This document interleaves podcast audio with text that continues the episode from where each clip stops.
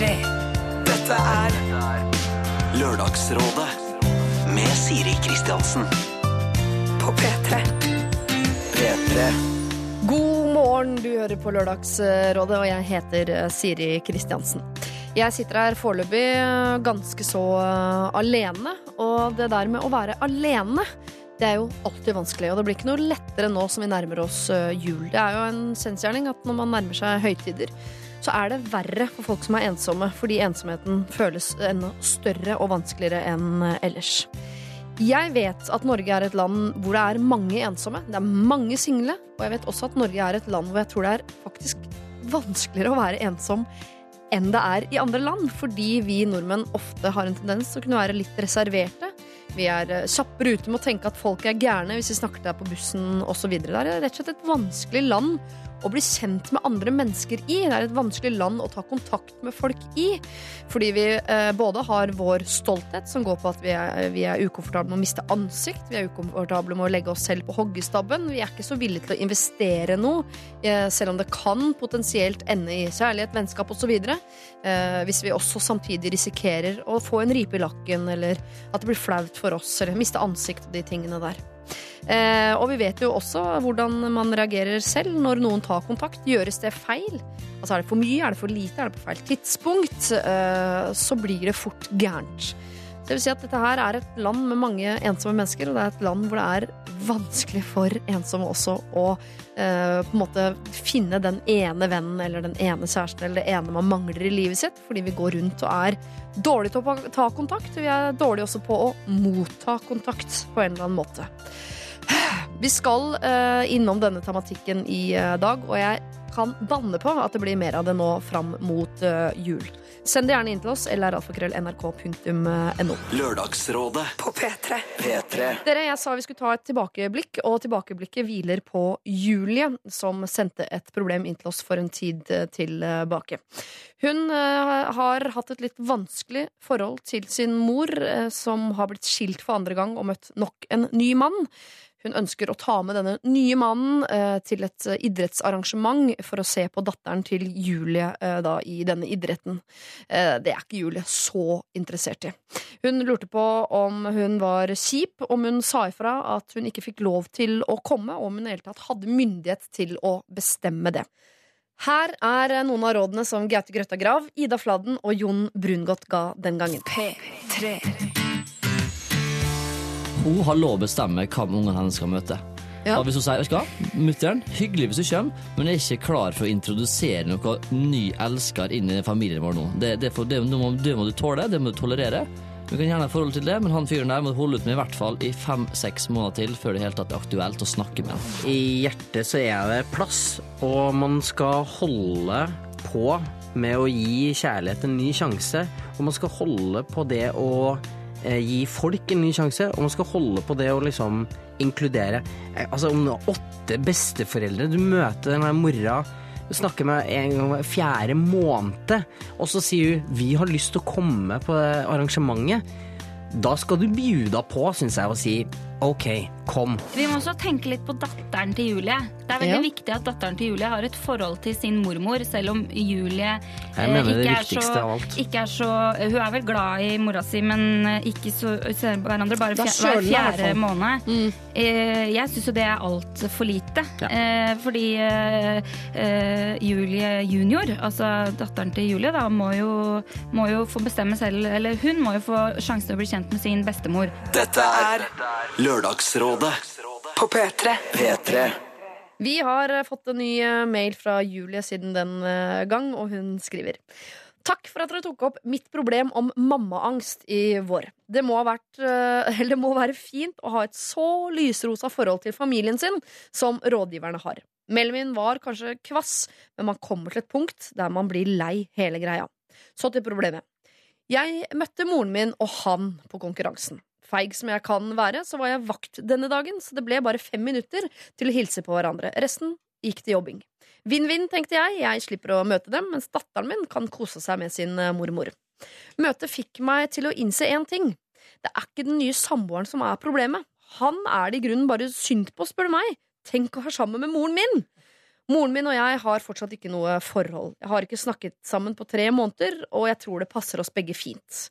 Morløpet er kjørt, men hun kan godt få være mormor til det motsatte er bevist. Hilsen håpløs datter, men med enda mer håpløs mor. Jeg digger dere, da! Hilsen Julie.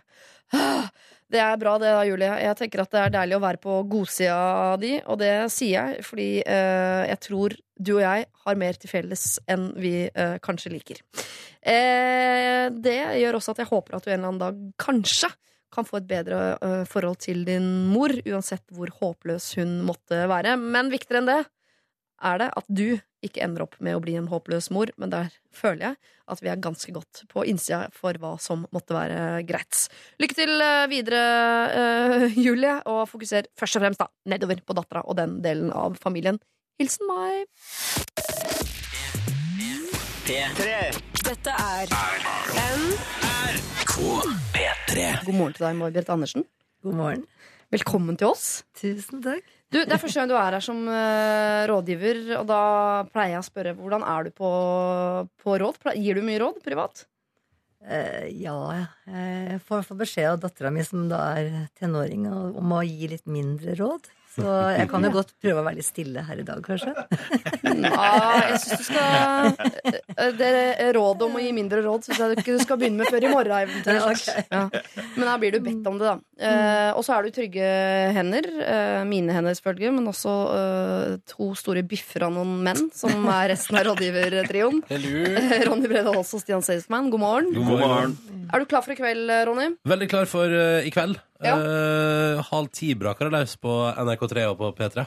Med P3 Gull Mm. 2015. Og jeg og Niklas er jo da i år som i fjor uh, booka inn um, som sirkushester, jeg føler jeg mest, kanskje, uh, i artistområdet der. Ja. Uh, med ut, vi har blitt utfordra av Kristine og Leo på å bryne oss på Jeg vet ikke om jeg kan si det nå, men det er noe av det grusomste eh, jeg kunne tenke meg i hele verden å måtte framføre for et publikum. Så jeg, er klar, Ja. eh, men jeg gruer meg jo kanskje egentlig mest.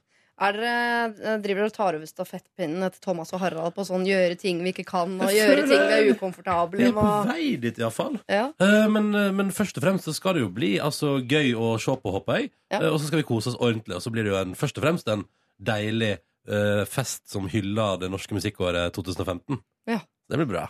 Jeg har spart deg til slutt, jeg, Stian, fordi eh, du skal få tre gratulasjoner av meg. Eh, gratulerer med andreplass i Skal må vi danse. Yes, takk. Eh, og så har du blitt kåra til Årets kjendis av Se og Hør sine lesere. Gratulerer. Tusen hjertelig takk. Mm. Tusen takk. Siste gratulasjon kan du kanskje fortelle om selv, og med det starte liksom uh, sivilstatusrunden. Hva er det som har skjedd? Nei, altså, jeg eh, fridde da til kjæresten min på eh, Takk, takk. På Se og Hør kjendisskala. Eh, Jeg leste vel et sted på nett at det var bare jeg som kunne finne på å gjøre noe sånt. og, men Og det eh, stemmer jo. altså, jeg, Hæ? Og det stemmer jo. Ja, det stemmer jo for så vidt. Men jeg, jeg måtte liksom, jeg føler litt visst press, da, for det er liksom Staysman han må jo liksom gjøre ting over det topp hele veien. Og, Ja. Så jeg følte jo at jeg, uansett når jeg skulle fri, så måtte jeg gjøre det på en sånn ekstragavant måte. Ja. Og da når jeg fikk den eh, beskjed om at jeg hadde vunnet i Årets kjendis, så tenkte jeg at da, da kliner vi til, og så frir vi samme slengen. Ja. Og jeg fikk ja. Ja, du fikk ja, så nå er du forlovet mann. Ja, Ja. det er litt sykt. Er det første gang i ditt Du er jo en voksen mann som har opplevd mye, men forlovet, har du vært det før? Nei, aldri. Så den tanken har vært litt skremmende. Helt til jeg liksom tenkte på at det, det å være forlova er jo ikke så langt fra å være samboer, egentlig. Det er når du, blir gifter deg, det liksom, du tar det virkelige steppet, føler jeg, da. Nå tror jeg du mente at dere ikke var samboere, men det er dere vel? For Ja, ja, dere har jo et selvfølgelig. lite barn osv. Ja, ja. Ja. Hvor lite er det? Det er kanskje ikke så lite lenger? Ett år. Ett år, ja. Ja. Er det Stian Blipp? Nei da. Som er, som er sønnen deres? Nei. Nei, jeg trodde du mente han som er faren. Nei. Nei, nei, det det håper jeg ikke. Jeg håper ikke det. Så nå eh, har du et eh, Du har ett barn med din forlovede, og så har du vel et barn fra før? Japp. Eh, og så er du eh, krigsveteran, som jeg pleier å si. Ja. Ja. Og da snakker vi ikke om Paradise Hotel, selv om det også er en slags krig på Ja. Men i kjærlighet, da. Er det noe vi må føye til? Er- Bor du i enebolig i Fredrikstad, eller åssen er det? Jeg bor i leilighet i Fredrikstad. Leilighet, ja. Ja, bodde i Oslo nå i tre måneder. Når var Skal vi danse. På Majorstua. Var eh, da eh, barn og eh, kone på hotell, eller? Nei, den var innom 50% av tida. Ja. Sammen med meg. Og så vet de at jeg, når jeg først bestemmer meg for å gjøre noe, så går jeg så totalt all in. Ja. Så de, stakk til Fredrikstad på onsdagene. Så jeg hadde liksom tida for meg selv å fokusere på dansen på lørdag fram til lørdag. Og så kom de tilbake igjen på søndag. Fokusere på dansen. At du skulle si det. Ja, jeg vet det. Det er Har du sett Stian i Skal vi danse i år, eh, May-Britt? Eller følger du ikke med på eh, den TV-serien? Det er lov å si her i NRK at man ikke følger med på. Altså. Ja, nei, jeg har ikke sett på den. Jeg ble faktisk spurt om å være med meg, så jeg, kunne kanskje ha konkurrert med deg. Ja, Det hadde vært koselig. Men jeg turte ikke. Jeg, Ja, men det vil jeg absolutt anbefale. Hvorfor turte du ikke eh, Tenker du at du ikke er flink til å danse, eller hva? Ja, jeg tror ikke jeg er så veldig god til å danse. Nei. Sånn akkurat passe, egentlig. Men du spurt, men du, hadde du litt lyst? Jeg hadde litt lyst, for jeg har hørt at dere blir så veldig god form, de som er med. At det er så yeah, liksom sånn veldig, veldig fin trim, liksom. Ja. Og så er det sikkert også gøy å lære å danse ordentlig. Sånn eh, fra bunnen av, da. For det lærte du kanskje. Nei, gjør man det? Jeg har hørt at nei, du lærer jo ikke Altså du lærer én dans til én sang. Det er ikke sånn at de kan sette på en annen sang, så kan du danse noe innafor samme sjanger. Ja, Du kan danse grunntrinna i de fleste danser. Eh, Og du hører jo da hvem sang som passer til hvilken dans. Og så Ja. lærer man seg alle uttrykka og sånne ting. da Så man, man blir jo etter hvert litt sånn dansenerd. Det ble i hvert fall jeg. Ja. For meg klikka det helt. Jeg elska det til slutt. Det var sånn der, det var beste jeg visste var å danse. Det var sånn der skremmende tanke at det her skulle en gang gi seg. Og da kan du tenke deg det klikka, sånn For jeg er ikke akkurat typen som noen skulle se for seg at det ble en sånn dansenerd i løpet av høsten. Men eh, Det det er var bobla, da. Det er bobla. Ja, det er den berømte bobla. Jeg har vært i den noen ganger. Så, mm, men Hvor det var, mange smørpakker gikk du ned? eh, jeg gikk ned ti kilo Ja. i løpet av perioden. Det er vel 20 smørpakker, det? Det er vel det. Eller er det Kanskje 40? enda mer òg. Ja, kanskje mer. Ja. Men så fant jeg liksom muskler på steder som jeg aldri har hatt muskler før. da Brått så hadde jeg en kul på låret. Ja. Som jeg liksom først var litt skremt over. Når jeg tok på Men så bare Oi, det er jo en muskel. Det var, det var, det, det var liksom flere ting som eh, Det var lettere å stå opp av senga brått om morgenen. Ja. Flere ganger jeg tok meg selv og bare hoppe opp av senga. Det har jeg jo aldri gjort før. Jeg, jeg bruker jo stort sett ti minutter på å bevege meg ut. Så. Ikke for å fornærme noen her, men kunne dette vært noe for deg, Ronny? Eh, nei, det tror jeg ikke. Nei. Nei. Nei. Eh, Enkelt og greit. Nei, men, nei, Men det det, trodde jo ikke Stian heller. jo, men Trodde ikke du en eller annen plass at det liksom kunne være gøy? For jeg, jeg tror liksom at der du på et eller annet tidspunkt tenkte sånn Ja, det kan jo være gøy. Mm. Så hadde jeg tenkt sånn Nei, det Vet du, det, tror, det blir ikke gøy. Men du gjør Nei, jo men- ting hele tiden som du tenker at ikke er gøy. Spiser larver og holder på. Ja, Ja. Har blitt mye i det siste. Jeg tenkte skulle fram til julen og skal jeg gå for å kun gjøre ting jeg syns er gøy. Ja. Så da er jeg med her, for eksempel, på Lørdagsrådet i dag. Og tenker at det er kjempegøy, det har jeg lyst til å være med på. Man kan ha et rikt liv innenfor komfortsonen. Altså. Ja, man Stor kan det. Og jeg er jo veldig glad Jeg må finne tilbake til komfortsona mi, for jeg har vært litt mye utafor i høst. Men, eh, men sånn stort sett så syns jeg at uh, livet leves best godt innenfor komfortsona. Det skjønner jeg. Og i den komfortsona eh, Vi holder jo egentlig på å snakke om sivil status. Åssen er det med deg der, Ronny? Er det noe, noe nytt? Nei, altså relativt uh, nylig bikka tre år i forhold med hun som jeg er kjæreste med. Instagram. Ja, ja, ja. Takk, takk. Så, der er vi, så vi har det fint. Eh, vi har, eh, det er ikke noe nært forestående frieri, eh, men vi har det veldig fint. Bor fortsatt i hver vår by. Også hvis det er spørsmål om avstandsforhold i dag, Ja. skal du vite at det er jeg altså så god Jeg er ikke så god på det, men jeg kan, jeg kan uttale meg masse om det. Må passe på hva man sier, fordi noen ting kan rett og slett ikke stemme. Så det blir ikke frieri på P3 Gull i kveld? Eh, nei, det blir det ikke. Det er en ting jeg kan love deg Eller vet du hva, jeg skal ikke prate for de andre involverte. Kanskje Leo Ajkic eller Kristine Danke bestemmer seg for å gjøre det, men, men jeg skal ikke fri på P3 Gull i kveld. Det skulle overraske meg. Om noen av dem gjør, men Ja, kanskje Niklas.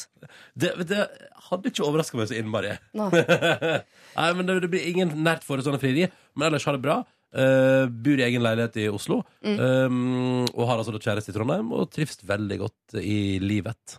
Åssen er det med deg, May-Britt? Du har allerede nevnt at du har én datter. Men uh, er du gift og flere barn? Enebolig? Ja, altså jeg har uh, vært gift i 32 år, da. Ja. Så det er ganske, Sånn, masse lenge. kompetanse. Masse kompetanse. Det er kjempelenge. Masse kompetanse. Er, vi, er det da eh, har du, det er, Da er det snart sølv på 25? Nei. Nei, 25 er sølv. ja. 25 var Så jeg veit ikke hva det blir til sommeren. Det er 33. sommeren, så jeg veit ikke hva det blir da. Jeg er ikke sikker. Nei. Men neste store er gull, og da er det 50? Ja, da er det 50. Det er litt for lenge mellom sølv og gull, eller? Enig. Skulle vært Ja, det er litt, det er litt lenge mellom. Jeg skulle vært noe der på Men jeg har eh, også en sønn, da. Ja. En, eh, en på 20 år, og så har jeg en datter på 16. Wow. Og dere bor i Jeg ser for meg at dere bor i sånn hvitt trehus med glassveranda. Ja, det skal Og fuglenekk? jeg, jeg gjør ikke det. Jeg bor, jeg bor i Asker. Jeg bor, jeg bor i et uh, helt ålreit hus inntil et jorde, liksom. Så jeg har uh, alle årstidene bak meg, liksom. Det er veldig fint. Ja. Men, eh, men det, er ikke, det er ikke hvitt, og det er ikke noe glassveranda heller. Er det funkis? Nei, det er ikke det engang. Det orker jeg ikke tanken på. May-Britt Andersen i et funkishus. Det er som. Stian Staysman skal vi danse, det. Men du, kan jeg få lov å si, i og med at han sa at han skulle på P3 i kveld og sånn, Ja. eh, og du har liksom snakka ganske mye, du òg, så, Ja, så, så jeg lurer på om jeg kan få lov å si at jeg skal, at jeg skal ha konsert i Jakobkirka i morgen. Ja. Eh, klokka tre. Skal du ringe jula inn? Eh, nei, det skal Nei. jeg ikke gjøre. Men jeg skal ha en sånn jubileumskonsert. Det er eh, 40 år siden jeg ga ut min første eh, soloplate. Igjen det med er erfaring og kompetanse, da. Ja, så er det Ja. 30 år siden jeg ga ut min første barneplate. Og så har jeg gitt ut 20 plater på disse 40 åra her. Ja. Og så har jeg mm, da satt sammen en konsert, da. Som er litt, henta litt fra de alle sangene. Herregud, så koselig. Ja. Skal du synge Yvonne har en kanin på loft Ja. med et navn som er interessant. Du kan ikke si det så ofte, for det er så fryktelig langt. Men hvis du har tid, kan du prøve å si Kurta, Marie, Theodor, Filip Jongs, Abeduss eller Senn Josefin. Oi. Kommer den? Det er veldig bra. Jeg skal, jeg skal synge den. Jeg skal det. Åh, Mangler du korist, eller Ja, åssen er det? Du kan bare, du kan bare komme. Oi, oi, oi. Ja, det tror jeg faktisk jeg skal.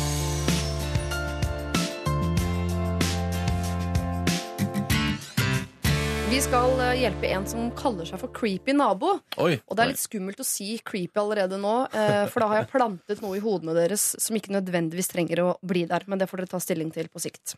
Kjære Lørdagsrådet. Jeg er en 28 år gammel jente som bor i femte etasje i en bygård øst i Oslo. Nå er det sånn at jeg har en gjenboer, er det ikke det det kalles. Altså, det er en leilighet i samme etasje på andre siden av gata, hvor vi begge har innsyn i hverandres leiligheter. Andre syns kanskje det er sjenerende, men jeg syns egentlig det er ganske koselig. Det er så rart at jeg ikke kjenner han som bor der. Jeg føler at vi lever sånn side ved side. Han er på samme alder som meg, og vennene hans ser relativt vanlige ut. Jeg blir så fascinert av å titte på han, og spesielt observere hans hverdagsrutiner. Jeg blir så glad når jeg kommer hjem og ser at også han sitter og ser på Broen, eller vi sitter på hver vår Mac på kjøkkenet om kvelden.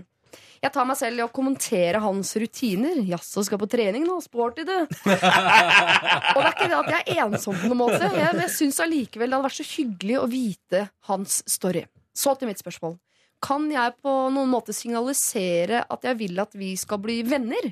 I så fall, hvordan? Hilsen creepy nabo. Ja. Åshild heter hun, eh, denne jenta, eh, som har lyst til å ta kontakt med sin gjenboer, men ønsker jo da ikke å fremstille som creepy. Det her er veldig gøy. Um, jeg har jo nylig blitt eh, en som har innsyn i leilighetene på mottatt side, og de til meg. Og så har jeg også slutta med gardiner. Eller, altså, jeg har sånn persienne, men jeg vil jo ha lys inn, så de står ofte oppe. Og da tar jeg meg sjøl i at jeg har kommet over ei kneik der jeg nå bryr jeg meg ikke lenger eh, om noe som helst. Så, eh, sånn som, og så har jeg tenkt sånn eh, fem om morgenen, da kan jeg tusse naken ut i stua. Det går bra, liksom. Eh, og, og traske rundt og glemme liksom at noen ser på. Men det er jo noen som ser på, og det er jo hun her et bevis på.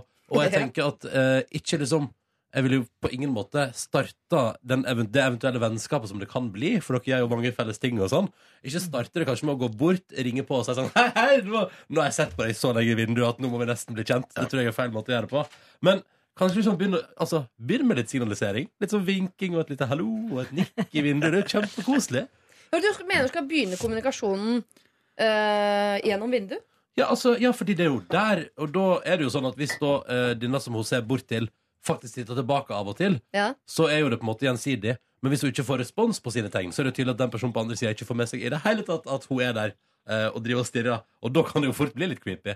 Så jeg tror at jeg ville starte Jeg ville jo starta med forsiktig kommunikasjon der de allerede er på en måte disponert for hverandre. Det er veldig norsk, da, men hva ville du tenkt, uh, May-Britt, hvis noen kom bort til deg og sa nå har jeg observert deg i vinduet lenge, og du ser ut som en som kunne blitt en nær venn av meg? Hva sier du til en kopp kaffe? Skal du ha en sånn historie? Ja. Jeg bodde i Kirkeveien, eh, øverst i Kirkeveien her i, i 1974 eller noe sånt. Og, og da bodde jeg egentlig sammen med søskenbarnet mitt, men han var på vakt, vakt sånn nattevakt, så vi var aldri samtidig i leiligheta. Så når jeg kom tilbake igjen fra en spillejobb om kvelden, så, så var det liksom mørkt eh, rundt omkring, men det, det var noen leiligheter det var lys i. Så var det en leilighet rett over, gang, eh, rett over Kirkeveien, som da Det var i femte etasje, et eller annet sånt her òg, tror jeg. Og han, eh, han Jeg tenkte ikke over det i starten, i hvert fall. Han, det godt han hadde observert meg ganske lenge. Men så plutselig så, så jeg en kveld at han satte på et lys i vinduet, Og så sto han over det vinduet, og så smilte han sånn veldig litt Han gjorde det sånn- Ronny anbefaler at sånn- Åshild skulle gjøre. Ja. Ja. litt sånn skummelt, på en måte. Er skummelt? Eh, og, og så, men så, så tenkte jeg ok, liksom, jeg bare trakk for gardina og tenkte ikke noe mer over det. Men så kom jeg tilbake neste kveld, så gjorde han akkurat det samme. Og så begynte det å bli litt sånn creepy. Det, jeg, jeg, Ja, jeg, jeg, begynte å bli litt redd. Ja. Ja. Og, så, og, så, og så kom han en gang så, så, også det, I den perioden når så spilte vi på noe som heter Chivago. Om dere har hørt om det? En sånn Aldri. restaurant nede i byen. Eh, vi spilte i hvert fall der, og så plutselig, så når jeg kom eh, og skulle gå inn og spille, så står han i en kø. Så står han sånn og smiler til meg ikke sant, i Å, kø. Gud! Og da blir jeg enda mer redd. Og så når jeg kommer tilbake igjen om kvelden, så tror jeg jeg hadde fått en av de i bandet til å kjøre meg, for jeg syntes dette her var så skummelt. Og så går jeg, låser jeg meg fort inn. Og så, og så er det sånne tunge sånne bydører som går litt sakte igjen, ikke sant? Mm. Så kommer han etter meg. Og så løper jeg opp alle troppene, og når jeg, er liksom, når jeg tør å se ned, da, fra 50, liksom, så er han nede der, så står han sånn og så smiler. Nei, Jeg Sånn var, jeg var så redd at jeg turte søren meg ikke å være der lenger. Så jeg, da tok jeg meg Da besøkte jeg, da besøkte jeg familien mine på Stabekk noen dager. Okay. For å komme meg unna, liksom. For jeg syntes det var så vanvittig. Og så um, jeg, jeg husker ikke så veldig mye mer som skjedde etterpå. Men jeg er enig med deg at man må begynne litt pent. Men Man må bare- ta det litt forsiktig. Ja, for Han her høres jo litt gal ut, og han som du hadde. Altså, som ikke liksom Fordi det er jo liksom jeg ting gang på gang på gang. Mm. uh, høres, det høres litt skummelt ut.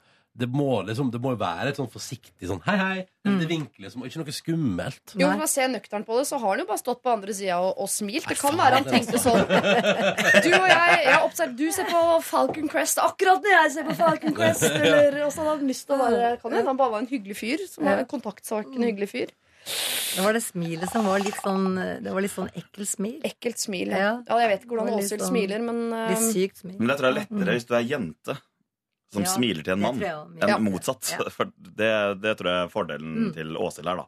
At det er lettere for henne å gi tegn til at hun liker at eh, Eller hun syns det er koselig med denne naboen. ja. For jeg tror eh, som eh, mann så er man litt ille utsatt der. Hvis man begynner Ja. å gjøre tegn og smile sånn, Mm. så blir man fort han creepy. Ja. Men hvis jenter hadde gjort det samme til en mann, så hadde blitt, mannen blitt mer sånn Nei, så koselig. Hun legger an på meg. Altså, Vi klarer ikke å se på at jenter er creepy når de gjør egentlig creepy ting ofte. Nei. Så mm, ja, Jeg har litt sånn traumer fra sånne ting selv. For jeg husker da jeg var 14 år, eller sånt, så var jeg hjemme hos tanta mi. Og da kunne jeg se tvers over gata. Og da husker jeg at eh, jeg så en eh, ung jente da, du, som kledde av seg, og jeg klarte liksom ikke å la være å glane på heller. film. Akkurat som på film, ja. Ja. Jeg klarte ikke å la være å glane. Og så husker jeg at hun snudde seg i bare undertøyet og fikk direkte øyekontakt med meg. Mm. Og jeg så hun liksom et sånt lite hyl, sånn. og så var det ikke noen gardiner i leiligheten, men så begynte sånne tepper og dyner og sånn å komme opp foran vinduene. Og jeg, jeg var så redd for at den dama skulle ringe på og sladre til tanta mi at jeg hadde stått og sett på. Og det var en forferdelig følelse. Ja, det jeg. Men samtidig, og der ser du hvordan kjønnsrollene er. Hvis jeg hadde stått og kledd av meg Da hadde du vært en blotter. ja, ikke sant? Hadde jeg Mm. vært en blotter, eventuelt hvis jeg hadde snudd meg og sett på at en jente så på det, så hadde jeg tenkt wow, konge. Mm. Du har fortsatt blikket der, selv om jeg kler av meg. Yes. Oh, ja, ja. Men, men det er jo, men det er jo problemstillinga til Åshild hvordan gjøre det her Mm. uten å virke psycho. Ja, for nå gjør vi det jo om til noe seksuelt. Jeg skal bare legge til, Det er jo Ja. noen saying som er En naken mann står i et vindu, en kvinne går forbi, han er en ekkel blotter. En Mm. naken kvinne står i et vindu, en mann går forbi, han er en ekkel kikker. Yes. Ja. Eh, så akkurat her har hun en en fordel av å være kvinne, faktisk. Men er det, hun kan hun, de er jo på en eller annen måte De deler jo en bakgård. Ja. Så må jo gå an å møte han på nøytralt grunnlag og droppe hele den der eh, 'jeg driver og titter på deg i vinduet'. Det kan komme som en sånn søt liten greie ja, i det, bryllupet eller noe sånt om, eh, om for fire det skal år. gifte seg, ja. Jo, men for det, jeg mener det, det er to vesentlige ting her. Det første er eh, at det går an å ta kontakt på Jeg er helt enig på butikken eller i bakgården. Man møtes jo kanskje tilfeldig, og da er det bare å gripe sjansen og si sånn hei. Eh, og så er det, mener jeg, da, hvis man er liksom diskré, så er det hyggelig å gi hint gjennom eh, vinduet. Men samtidig, og det her syns jeg er litt spennende, fordi at hun syns jo dette er gøy fordi han er lik henne, men Mm. fortsatt mystisk. Og så er jo spørsmålet da Vil du bli kjent med han? For plutselig så er det sånn Å, han er verdens kjedeligste fyr. Mm. Eller å, har vi Wow, det der var Uff, nei, det, det likte jeg ikke som person, så uff, må jeg se deg hele tida. Og så liker han henne veldig godt, og så, har du Ja. en, så er det hun som er en creepy nabo. ja, ja, og, så, så, så spørsmålet er vil man det. Altså, vil man Kan ikke det kanskje bare være en sånn hyggelig ting som man har i vinduet der, da? Eller som hun har? Ja, men vi- Dere vil sikkert som jeg at dette skal bli noe mer, for det er noe utrolig søtt i at de sitter i hver sin leilighet i en bygård. Se på, øh, se på broen. Sitter de på hver sitt kjøkkenbord, jobber på Mac-en. Alt dette kunne foregått i samme leilighet. Skjønner dere? Dere Ja. kunne, det kunne vært så søtt at de hadde ja, delt dette her. skjebnen Jeg kom på noe lurt. Ja. Det er jo snart jul. Og da kan hun jo, hun kan jo foreslå at sette opp en sånn lapp i, nede i gangen hvis de de- deler de samme Var det, var det samme bakgård? Ja, det tror jeg. Ja, Ja. da har de sikkert noen sånne fellesganger Mm. et eller annet sted. Og så kan hun sette opp Kanskje vi skal bake litt julekaker sammen, eh, naboer? Kjære naboer, Ja. skal vi bake litt julekaker? Men da, da det jo ikke- han uh, sikkert han litt sånn kjipe andre duden som òg bor i nabolaget. Som er, ja, som det, må, ja. det må du tåle, da. Ja, ok, ja, men, ja. men da slipper du det der eh, 'vil jeg bli kjent med han eller ikke'? Ja, For da kan, da kan du finne ut om du vil bli kjent med han mer enn Mm. en de andre. På det, på det pepperkakemøtet, da, for eksempel. Men, og jeg, men så ser jeg også for meg at de kan, for jeg tipper de har en lokal Rema 1000 eller Kiwi eller Joker. Nå må jeg nevne alle for at det ikke skal virke som vi er sponsa. Kom Ja. igjen. Ica, eh, Coop, osv. Prix. Men eh, på mandag, for på mandag er det jo sesongfinale av Broen. Ja. Og hvis hun sørger for å havne i køen samtidig som han, Mm. og kommenterer noe sånn Ja, jeg ser du kjøper paprika, du også. Jeg må jo feire litt. Det er jo tross alt siste episode av Broen i kveld. Og så Ja, ja, ja, ja, bare ja. få i gang en, en prat om noe felles. Så det er jo ingenting folk er så glad i å snakke om som TV-serier. Mm. Det er sant, men, men jeg tenker jo de, altså, Fordi hun skriver jo ingenting i mailen om hvorvidt hun har fått noen respons tilbake. Utenom at hun legger merke til at han der borte Mm. uh, går på trening, hun står og kommenterer det for seg sjøl. Han ser på Broen, skriver på Mac-en og kommenterer det for seg sjøl. Ville ikke, uansett hva hun finner på, om hun ikke møter han i køa på Rema rett før Broen-finalen, så kanskje bare starte med å, liksom prøve å få øyekontakt tilbake. At I vinduet? Hun, at, hun får, ja, at hun får noe respons tilbake i vinduet der. Ja. At liksom At kanskje det kan Det, kan, det skader vel ikke at det starter der, med at, man, at han viser at han Hei, hei, ser tilbake på deg. For det kan Ja. hende han fortsatt, som sagt, ikke aner at det fins ei dame der borte som legger merke til at han ser på broen. Nei. Som vil få angst hvis hun sier Ja, det er jo sesongfinale på broen. Jeg ser at du ser på det borti din leilighet. Jeg ser jo for meg at det er litt søtt, da. Og, og faktisk bare å dra den helt ut. Sånn, hvis du lager en plakat, da. Ta Ja. en kaffe en da. Ja. Og, stå, og henge opp I den vinduet. i vinduet. Ja. Det er jo litt koselig å bare gønne på å gjøre noe sånt òg. Ja, ja. Jeg hadde satt veldig stor pris på det. Hadde jeg titta ut av vinduet og så ta en kaffe en dag med en eh, søt jente som hadde smilt ved siden av. Ja. Mm. Det hadde jo vært tidenes uh, dateforespørsel. Og ei veldig god historie i det bryllupet, ja. Ja. ja. Hvis han biter på den, Mm. så, er, så er det verdens fineste historie. Og gjør han ikke det, så, så er det Nei, nei. ikke noe historie, på en måte. Ja. Jeg tror det er bedre enn eh, og, fordi nå, Etter jeg har hørt både da May-Britt Andersens historie og Stian sin historie og, om liksom, creepy erfaringer på området, så tror jeg ikke sånn stå, smile og vinke og sånn kanskje er så lurt. Men en sånn søt plakat. Ja, ja. Hei eller kaffe en dag, eller sånt. Med teip, kanskje, eller bare et eller annet. Mm. ja. Oh, det liker jeg veldig godt. Tanken på hva skal skje. Ok, Kjære creepy nabo eller Åshild, eh, da. Eh, jeg skjønner at du er redd for å være creepy. Det, det må du ikke gjøre. Eh, Du kan invitere alle naboene til noe felles pepperkakebaking eller sånn nå før jul. Da har du muligheten til å se om du liker han uh, utover det at han har de samme TV- og Mac-rutinene som deg. Eh, hvis du er helt sånn sikker på at dette er, er en fyr du må bli kjent med, og tar den sjansen, så tenker jeg at eh, en liten poster i vinduet Det er starten på en så fin historie at det er verdt det om den historien ikke blir eh, noe av. Og den historien, hvis den blir noe av, så vil vi ha den. Da må du sende den inn til oss eh, og si hvordan det gikk. Jeg ser jo for meg selvfølgelig giftermål og hele pakka på dette her. Og ikke for å sette griller i hodet ditt, det, bare, det dukker opp. Kan ikke noe for det. Og jeg ønsker deg selvfølgelig lykke til.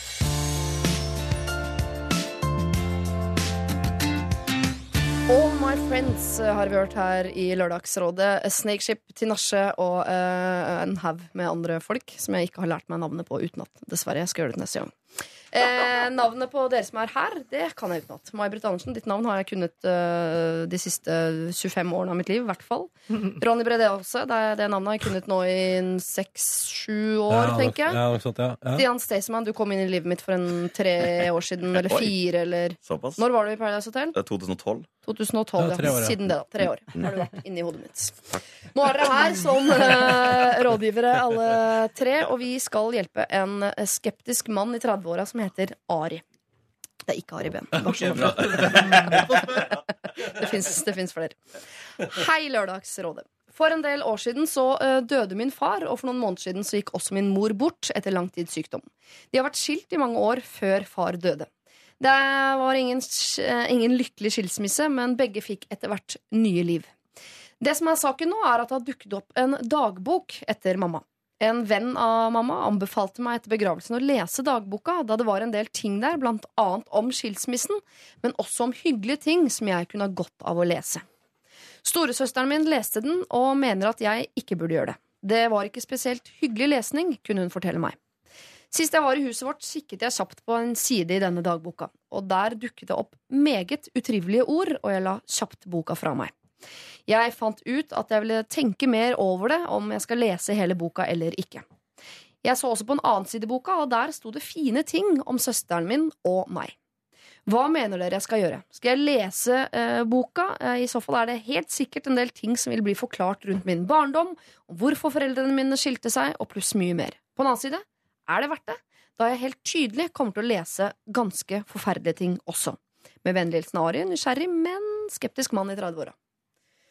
Her har man altså muligheten til å få masse informasjon om sin mor etter hennes død. Som da, hun har ikke noe mulighet til å forklare noe mer enn det som står der. Det er det heller ikke så mange andre som kan gjøre. Ikke les boka. Her kødder du! Ja, jeg mener det. Min umiddelbare reaksjon er helt motsatt. Mm. Selvfølgelig skal du lese. Riv av plasteret, les boka, bli ferdig med det, gå videre, slutt å tenke på det. Det er min umiddelbare reaksjon, men nå kan det godt hende at både du, Stian, og du, May-Britt, kommer til å omvende meg i mine tanker. Men eh, som den nysgjerrigpæren jeg er, og som en sånn fyr som Hvis du liksom har tenkt en tanke og ikke får gjort noe med den, så blir jeg sånn grubler, da. Da går jeg og går jeg og går jeg og går jeg og tenker på det. Men Mm. hun lever jo ikke ennå, så hun kan, hvis det er spørsmål som um, blir hengende i lufta etter å ha lest boka også hva, Mente hun virkelig det hun skrev der, eller var det noe hun skrev pga. at hun var sint i det øyeblikket? Ja, sånn, ja. Ting kan veldig lett bli misforstått, og man kan jo ikke spørre vedkommende om hva- skjedde den dagen du skrev dette. Det er masse ting som Det er derfor jeg på en måte Jeg misliker f.eks. Facebook-chat. For det, Man kan ikke uttrykke følelser. på en måte Det kan lett at ting blir misforstått. Mm. Og det samme kan jo være hvis man leser en, eh, i en dagbok. tenker jeg at ting kan, det, det kan ofte ende opp med at det blir flere spørsmål enn svar. Mm, ja, sånn, ja. Ja. Men så kan det jo også være de svarene som er litt sånn avgjørende, da. Avgjørende for hva? For liksom, hva, hva, hva er det som har gått gjennom hodet der? Eh, hva er det du har tenkt på? Hva har du følt da? Eh, hvordan var det egentlig sånn og sånn? Og så, når, når liksom, for her står det man jo mellom at uh, Fordi Ari her har opplevd både at det står veldig fine ting og veldig grusomme ting i boka. Utdyper ikke hva grusomme ting betyr, men er det liksom en konfrontasjon? Og er det, det tenker sånn, Var det nyttig å ha lest det, eller var det bare ubehagelig? Og så er det én person som har sagt du bør lese boka, og så har søstera sagt du bør ikke lese boka. Så da er det liksom, jeg tenker sånn 50-50, og, og jeg, da tror jeg at jeg kunne tenke meg å Hvis det var noe deilig forsonende der, så hadde jo det vært topp. Nå ser jeg på deg, May-Britt. Ja. Jeg ser på, jeg ser på den kloke. Ja, men jeg er veldig enig med deg, egentlig. For jeg hadde vært så nysgjerrig at jeg hadde heller ikke klart å la være å lese boka. Nesten uansett hva andre hadde sagt. Mm. Men, men jeg tenker òg at, at folk tolker så veldig forskjellig. At søstera hennes, han- hans mener, syns at det her er veldig veldig vanskelig. Det betyr jo ikke at, hun syns, at han syns det er vanskelig. Det snakka vi akkurat om i stad, om en forrige eh, dame. Ja. Hvor forskjellig man er, liksom, om man er jente eller gutt. Det er jo Mm. veldig forskjellig. Jenter legger kanskje veldig mye følelser i ting og, og grubler veldig mye videre. Gutter er kanskje litt tøffere på å gå videre og klare seg med de beskjedene man får. Så jeg, jeg ville ha, vil ha råda Ari til å lese det, og så kanskje tatt og diskutert med søstera si de vanskelige sidene og de gode sidene med det etterpå. Jeg syns det at søsteren har lest dagboka, gjør det hele mer komplisert fordi hvis ingen hadde lest den, så kunne man på en måte uh, brent den, og så hadde man ikke valget. Da, sånn, okay, da, Ja, sånn, da var den Mm. sjansen gått. Jeg får aldri vite det. Ok, da får jeg bare lære meg å leve med det. Men søsteren din har lest den. Mm. Eh, Venninnen til mammaen din har lest den. Det vil si Mm. at nå går det folk rundt og vet ting, ikke bare om mammaen min, men antageligvis om meg, som ikke jeg vet. Det hadde ikke jeg klart å leve med. Men samtidig så ville jeg prøvd sånn Min mor har skrevet dagbok. Uh, skal jeg respektere det også henne, etter hennes død? At hun har skrevet noe som ingen skal lese? Mm. Eller skal jeg kaste meg over det med en gang jeg har muligheten? Jeg også er eh, 50-50 her, altså, folkens. Jeg, jeg, jeg, Jeg bare syns det er så ubehagelig når mennesker leser altså, Nå tenker jeg på min egen, for min egen del. da Ja. Hvis folk har snoka på ting og lest eh, tekstmeldingene mine, e-mailene mine, personlige ting Ja. Jeg syns det er så sinnssykt ubehagelig. For det at man eh, ting kan så utrolig lett misforstås. da. Hvis jeg har en uh, samtale med en kompis da, om uh, personlige ting, og så kommer en annen og leser det, så kan det bli tolket på en helt total feil måte. Ja. Og jeg er litt sånn redd for at den opplevelsen av å lese den boka da ender opp i et lass av misforståelser, og man Mm. kanskje får et bilde av sin mor som man kanskje ikke ville ha i utgangspunktet. Men jeg, jeg ser jo noe sånn generelt da, om døden og, og sånne ting. Hvordan Altså, jeg har jo hatt oldeforeldre som har blitt syke, veldig syke. Og mm, I hvert fall en oldemor som ble veldig syk. Og mm, hun ble så dement, og, og hun kjente ikke igjen noen mennesker. Og mens jeg ville prøve å beholde bildet av oldemor som den oldemora hun var. Ja. Den gode og snille oldemora. Jeg prøvde liksom å Hvis jeg skulle se henne etter at hun ble veldig syk, så var det veldig fokus for meg at ok, det der er ikke oldemor. Ja. Oldemor er den fine, snille personen. Mm. Og hvis man har det bildet av mammaen sin som en fin, snill person, så kan boka sørge for at mange av de illusjonene går til granskauen. Og jeg vet ikke om jeg ville utsatt meg for det, men det er veldig godt poeng det du sier, Siri, med at det er andre her som har lest den. Mm. Men jeg skjønner ikke hva venninna hadde noe med den boka å gjøre i utgangspunktet. Det er det, men det er det som gjør den saken litt mer komplisert, rett og slett for at det er andre mennesker som snakker kanskje bak ryggen til godeste Ari. Ja. Og så vet vi jo egentlig ikke nok om Ari her, for hvis Ari hadde vært en mann som uh, satt med masse spørsmål, hadde hatt en uh, vanskelig oppvekst, ting han alltid har lurt på, Mm. lurt på hvorfor han er som han er, hva som skjedde, at det hadde vært liksom en veldig sånn en vanskelig oppvekst, så kan jeg skjønne at det er et behov for å få en forklaring. Men hvis han egentlig har hatt det helt fint fram til nå, og så nå har han plutselig eh, muligheten til å lese noe som kan snu mye av det på hodet, så tenker jeg også at man skal la være. Men her, vi har jo en mulighet her eh, til at han kan få noe av informasjonen i og med at både denne vennen til mor Mm. og søsteren allerede har lest. Så kan man jo spørre om å få en revidert utgave. Men der igjen kommer jo det der med, som Stian pratet om, om tolking. Eh, for da søstera syns at han ikke skal lese boka, ergo vil hun gjenfortelle den ut ifra det utgangspunktet at hun tenker at det ikke er bra for han å lese den. Og Mm. da kan det hende at hun har tolka noe på en måte som han ikke vil. Mm, det, var det, det var det jeg sa i stad. Ja. Jeg syns også det. At du, du opplever ting så veldig forskjellig. Mm. Og jeg er også enig med deg at det er ganske sterkt at man går og leser en dagbok til andre. I hvert fall eh, venninna, at hun gjør det på en måte.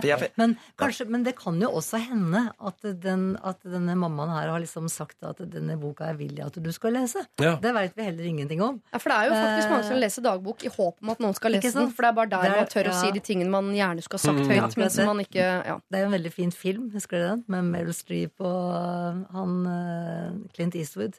Den på broen Broen over Ja, Madison ja. Den er jo Mm. nydelig, hvor, hvor de liksom uh, snakker om de, de barna hennes finner jo dagboka når hun dør. Og den er utrolig spennende. Og de, men de blir jo kjent med en mor som var veldig annerledes enn det de hadde tenkt seg. da. Og det kan jo hende nå som han er eh, Han er 30-åra, og søsteren er eldre, at de er voksne nok til å også takle mors eventuelle Nei. dårligere sider. Eller Ja. blir man ikke det? Jeg, vet, hva, jeg, jeg får litt sånn derre Foreldrene mine skilte seg da jeg var ti år gammel. Og det er sikkert masse detaljer rundt den skilsmissen her som Ja. ikke jeg har fått med meg.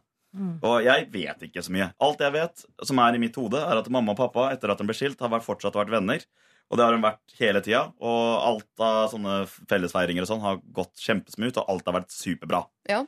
Når folk begynner å snakke til meg, eh, om det kan være utenforstående, så begynner sånne å skal plapre om den skilsmissen. Ja. Så jeg bare ah! Jeg vil ikke høre om det. Mm.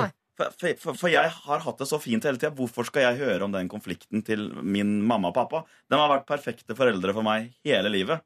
Den konflikten de gjør dem litt sånn, Det er litt sånn skummelt, da, for de gjør dem mer mennesker istedenfor foreldre.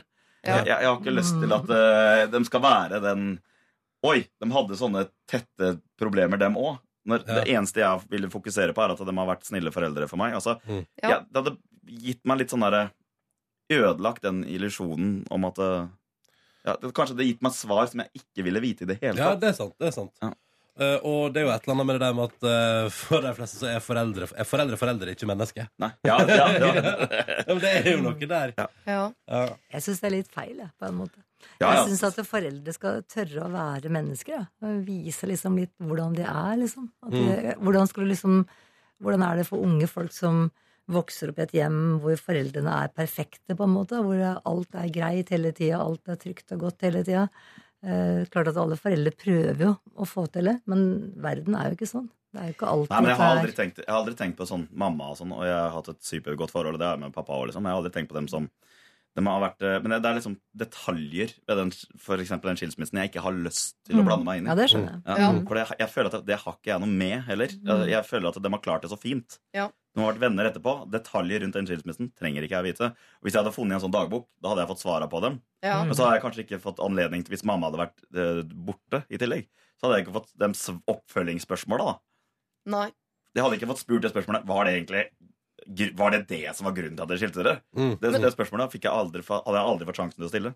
Spørsmålet er nå om Ari, som beskriver seg selv som nysgjerrig, klarer å la være nå som han vet at både storesøster og venninnen til mamma vet.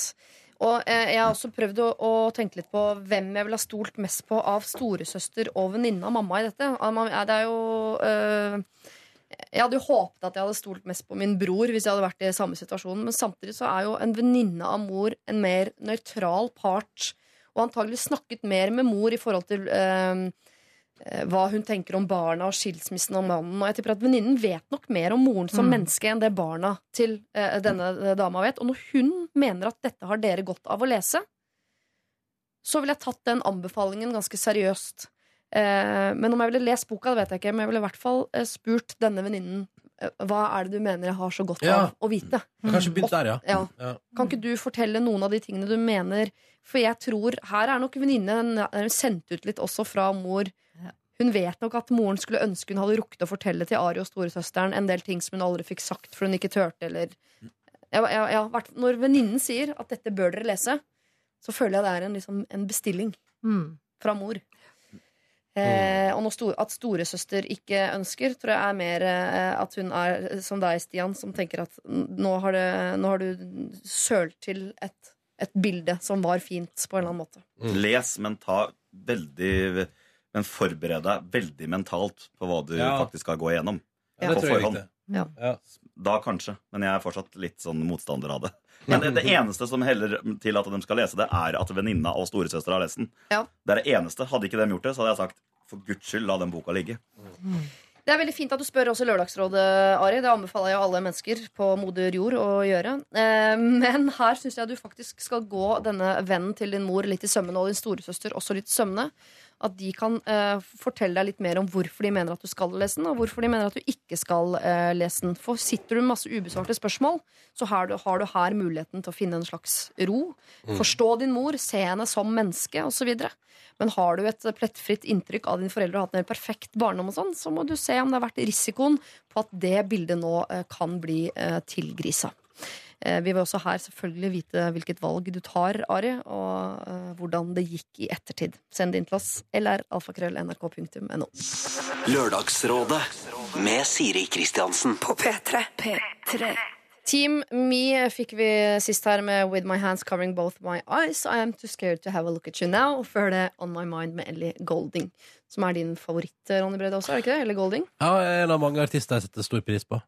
Er, men du har møtt henne, har du ikke det? Er Jo. det henne, eller blander jeg med en annen? Nei, nei, jeg møtte henne opptil flere ganger. Ja. Uh, gangen... Se det ansiktsuttrykket. Ja, det- Du fikk sånn tolv år eh, sjenert jeg, blikk i jeg, kom, jeg kom på Første gangen jeg møtte Ellie Golding, så hadde mine kollegaer hos i P3 lurt meg. Ja. Eh, så jeg satt da eh, Fordi da hadde jeg eh, planlagt at hun skulle overraske meg på kontoret. Så var jeg i ferd med å gå fra kontoret. Så da hadde en litt sånn bekymra gjeng hausa meg opp veldig på å vise fram YouTube-videoer.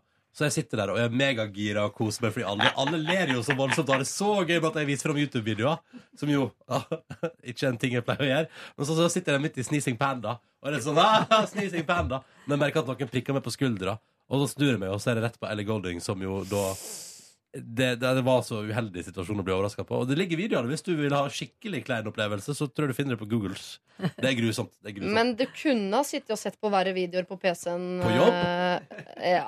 ja, ja Sneezing Panda. Heller Sneezing Panda enn Bend Over Brazilian Babes 2, liksom. Når Ellie kommer inn. Ja, altså, Ja. den, Det hadde vært pinlig. det er ingenting som ikke er suitable for work på min computer på work. Er det en film? Bend Over Brazilian Babes 2? Ja, det håper jeg. Det håper jeg. Jeg òg. Rådgiver i dag er eh, Ronny Brede Aase, det er eh, Stian Staysman, og vi har også med oss May-Britt Andersen. Og nå skal vi eh, treffe en mann igjen som kaller seg for Mr. Buksa. Oh, ja. Eh, Å, det har jeg ikke tenkt på før nå, at det blir mister buksa. Det er så gøy at jeg nesten tisser i buksa. Ok. Jeg trengte en jeans og dro til Sten og Strøm. Jeg ble henvist til en butikk med italienske jeans. Buksa kostet 2100 kroner. Dyrt nok, men den var fin, og finner jeg noe jeg vil ha, jo, så kjøper jeg det. Jeg bruker ikke tid på shopping, men eh, buksa passa ikke. Jeg har tjukke lår, tynne legger og er nokså slank ellers. Så butikken insisterte på at den skulle skreddersys. Greit nok, 250 kroner til. Så kommer jeg på jobb da med den nye buksa mi og oppdager at sjefen har nøyaktig samme bukse. Det er visst hans favorittmerke. Han bruker bare det merket. Han går i slike bukser hver dag. Og nå går jeg i de samme gangene med de samme buksene. Jeg sitter på kontoret mitt og undrer meg over hva denne lukten er. En sterk parfymelukt. Det lukter helt likt som sjefen min lukter. Jeg begriper det ikke. Jeg skjønner ikke hvor lukta kommer fra. Så lukter jeg på buksene mine. Den er innsatt med parfyme. Den nye buksa mi har lukt. Det er jævla jålete, disse italienerne. Så ikke nok med at jeg går rundt i samme bukse som sjefen, nå går jeg også rundt og lukter som han. Det minner litt om når Skullerud jobbet for Andresen. Det sier meg ingenting. Det er antageligvis en fotballreferanse jeg ikke tar. Er det noen som kan bekrefte eller avkrefte Ja, det? det med Skullerud og Andresen ligner på hverandre. Jeg tror det er kanskje det han eh, Men er det fotballrelatert? Ja, fotballrelatert, ja. Ok. Tor Ole Skullerud og Martin Andresen. Martin Andresen har jeg hørt Ja, om. ja. Ja. Det er vel det han henviser til, er det ikke det, tror du?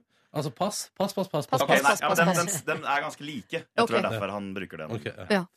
Jeg ber her om tips til hvordan jeg skal komme meg ut av dette hjørnet jeg har malt meg inn i. På forhånd takk for svar. Mister buksa. Er jo kjempeenkelt. Ja. Gå kun med den buksa på privaten. Det, Når sjefen ikke er i det nærheten. tenker jeg òg. Det må jo være det greieste. Bare Er det så mist- flaut? Liksom? buksa på jobben, og så Ja, men den skjønner ikke jeg. Altså, det, det her var en mann. Ja. Ja. Er det så krise om menn har likt antrekk? Er ikke det en sånn, litt sånn jenteting? Uten at jeg skal bli veldig sånn sjåvinistisk nå. Men er, hvis jente, kjæresten min kommer på uh, Kjendisgallaen til Se og Hør, da La oss si det. Ja, At du har så er det det. helt sånn Veldig vant eksempel. ja, men Hvis hun kommer dit, da, så har hun helt lik kjole som en annen. Ja. Da er det litt krise. Det er krise, ja. Men hvis jeg kommer dit, og jeg Oi, den uh, dressbuksa mi her var lik din. Og har du også svart dressbukse? Å, jeg må dra hjem. Ja, ikke sant? ja, men er ikke det Jeg synes jeg skjønner ikke at det er et så stort problem. Nei, Jeg er så stussa på det. Jeg tror aldri jeg, tror aldri jeg ville lagt merke til en gang om to gutter hadde på seg lik bukse. Nei.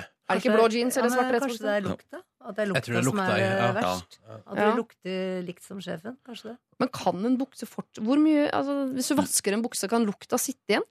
Kan jo ikke det. Det er litt sånn lukt av suksess, da. Hvis det lukter likt som sjefen. Kanskje du er sånn der Eller lukt av hat. Ja. Det kommer vi an på. Ja. Eh, nei, men jeg, jeg, jeg tenker jo at hvis, dette her, hvis det er et problem for eh, innsender her, så Det er det. Da, ja, men da er det bare å bruke den buksa her kun på privaten. Når du er ute og møter dine venner på byen, for eksempel. Eh, og hjemme. Det går masse, masse menn hjemme. Eh, Men jeg òg er jo sånn, altså eh, All den tid jeg eh, investerer i hettegensere fra større bu- klesbutikkleverandører som finnes i hele verden, så møter jeg jo støtt og stadig folk i samme genser som meg, uten Ja. at jeg gjør noe som helst. Eh, og, og det tenker jeg sånn Det er jo Men det kommer an på om du bryr deg. Og hvis han, hvis han har malt seg opp på et hjørne, føler han, Mm. så må han ta grep. Og da tror jeg nok at hvis sjefen går med sånne bukser hver dag, så må du ta den buksa ut av arbeidsplassen. Men det er kjipt å kjøpe seg bukse til 2100 kroner og Ja, ikke det er kunne dyrt, vet bruke du. den på Ja. jobb. Ja. Ja, den skal jeg bare bruke i godstolen hjemme. Er det på pub. Ja, på pub er, pub er Ja. Men eh, jeg- jeg tenker at han kunne sikkert ha overlevd med at han hadde lik bukse som sjefen. Der når lukta kom på toppen, så blir det jo, altså for å bruke en referanse som er mer kjent for meg enn sånn fotballreferanser, da, så blir det litt eh, enslig ung kvinne søker. Eh, altså, Hvis dere har sett filmen hvor hun klipper seg likt, eh, kjøper lik kjole, eh, prøver å bli sammen med kjæresten osv. Kopierer en annens liv. Ja. Det mister buksa her er redd for, er jo å bli oppfattet som psykopat. Altså eh, Som om han driver og kopierer sjefen sin. Men hvis han har klart å kjøpe den buksa med den parfymen uten at eh, han har tenkt underveis Å, det er litt som så sjefen sin, så er det vel ingen andre som tenker på det heller. Nei. Tror jeg. Nei. Eh, Så selv om dere sier at han skal bruke buksa kun privat, så mener dere at han skal fortsette å bruke den også på jobb, ikke sant? Ja. Altså, jeg hadde ikke brydd meg. Men Nei, ikke jeg heller. Men Nei. det er kanskje vi er feil eh, menn Feil, å spørre, kanskje. Jeg Ja. vet ikke. jeg vet ikke Staysman og Åses motorservice, Ja. lykke til. Når jeg handler klær, så går jeg inn og så peker jeg på Hvis jeg, hvis jeg den, den få gangen jeg gjør det, så går jeg inn i en klesbutikk så peker jeg på dokka som de har kledd opp som en mann. Så sier jeg at jeg skal ha den dokka der i min størrelse. For de har jo kledd den dokka moteriktig, tenker jeg. Ja, ja. Så da, da føler jeg at da, Åh. det er faktisk et bra triks. Ja, ja, Jeg skal ha dokka, og så får jeg den i min størrelse, så går jeg ut derfra som en ny mann. Du skal ikke ha selve dokka. Nei, Nei. men sånn Ja. Skjønner. Kjøpe dokka er Ja. mitt tips til eh, andre menn. Ja, ja. Ja. Du, eh, Mr. Buksa, du skal i hvert fall ikke kjøpe flere av denne ekstremt dyre buksa som lukt, som har egen parfyme. Det er noe av det mest jålete jeg noensinne Jeg syns jo det er et mye større problem at det fins, enn at du har lik bukse som sjefen din.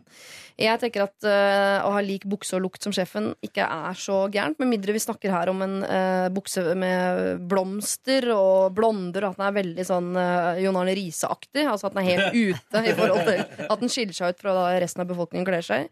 Eh, Så tenker jeg at du bare kan kjøre på. Det er det ingen som eh, legger eh, merke til. Eller så får du bare bruke den på privaten, da. P3. Kjære Lørdagsrådet, god lørdag. Jeg studerer over 1300 km fra hjembyen min, og jeg skal feire jul sammen med nærmeste familie. Jeg har fått meg kjæreste, som jeg har et avstandsforhold til. Han bor flere hundre kilometer fra studiestedet mitt, og dette fører til at vi bare ser hverandre sånn cirka annenhver helg. Om jeg ikke feirer nyttår med han, så ser ikke vi hverandre på en måned. Noe som er lenge når man er så innmari forelska. Det gjør vondt bare å tenke på det. Jeg er hjemme i hjembyen uh, ca. to ganger hvert semester, og disse gangene er det alltid et evig stress med å rekke å være sammen med alle jeg vil. Det betyr at familien min har gått over vennene mine de gangene jeg har vært hjemme, men jeg har selvfølgelig også vært sammen med dem. Men kanskje ikke like mye som jeg har ønsket.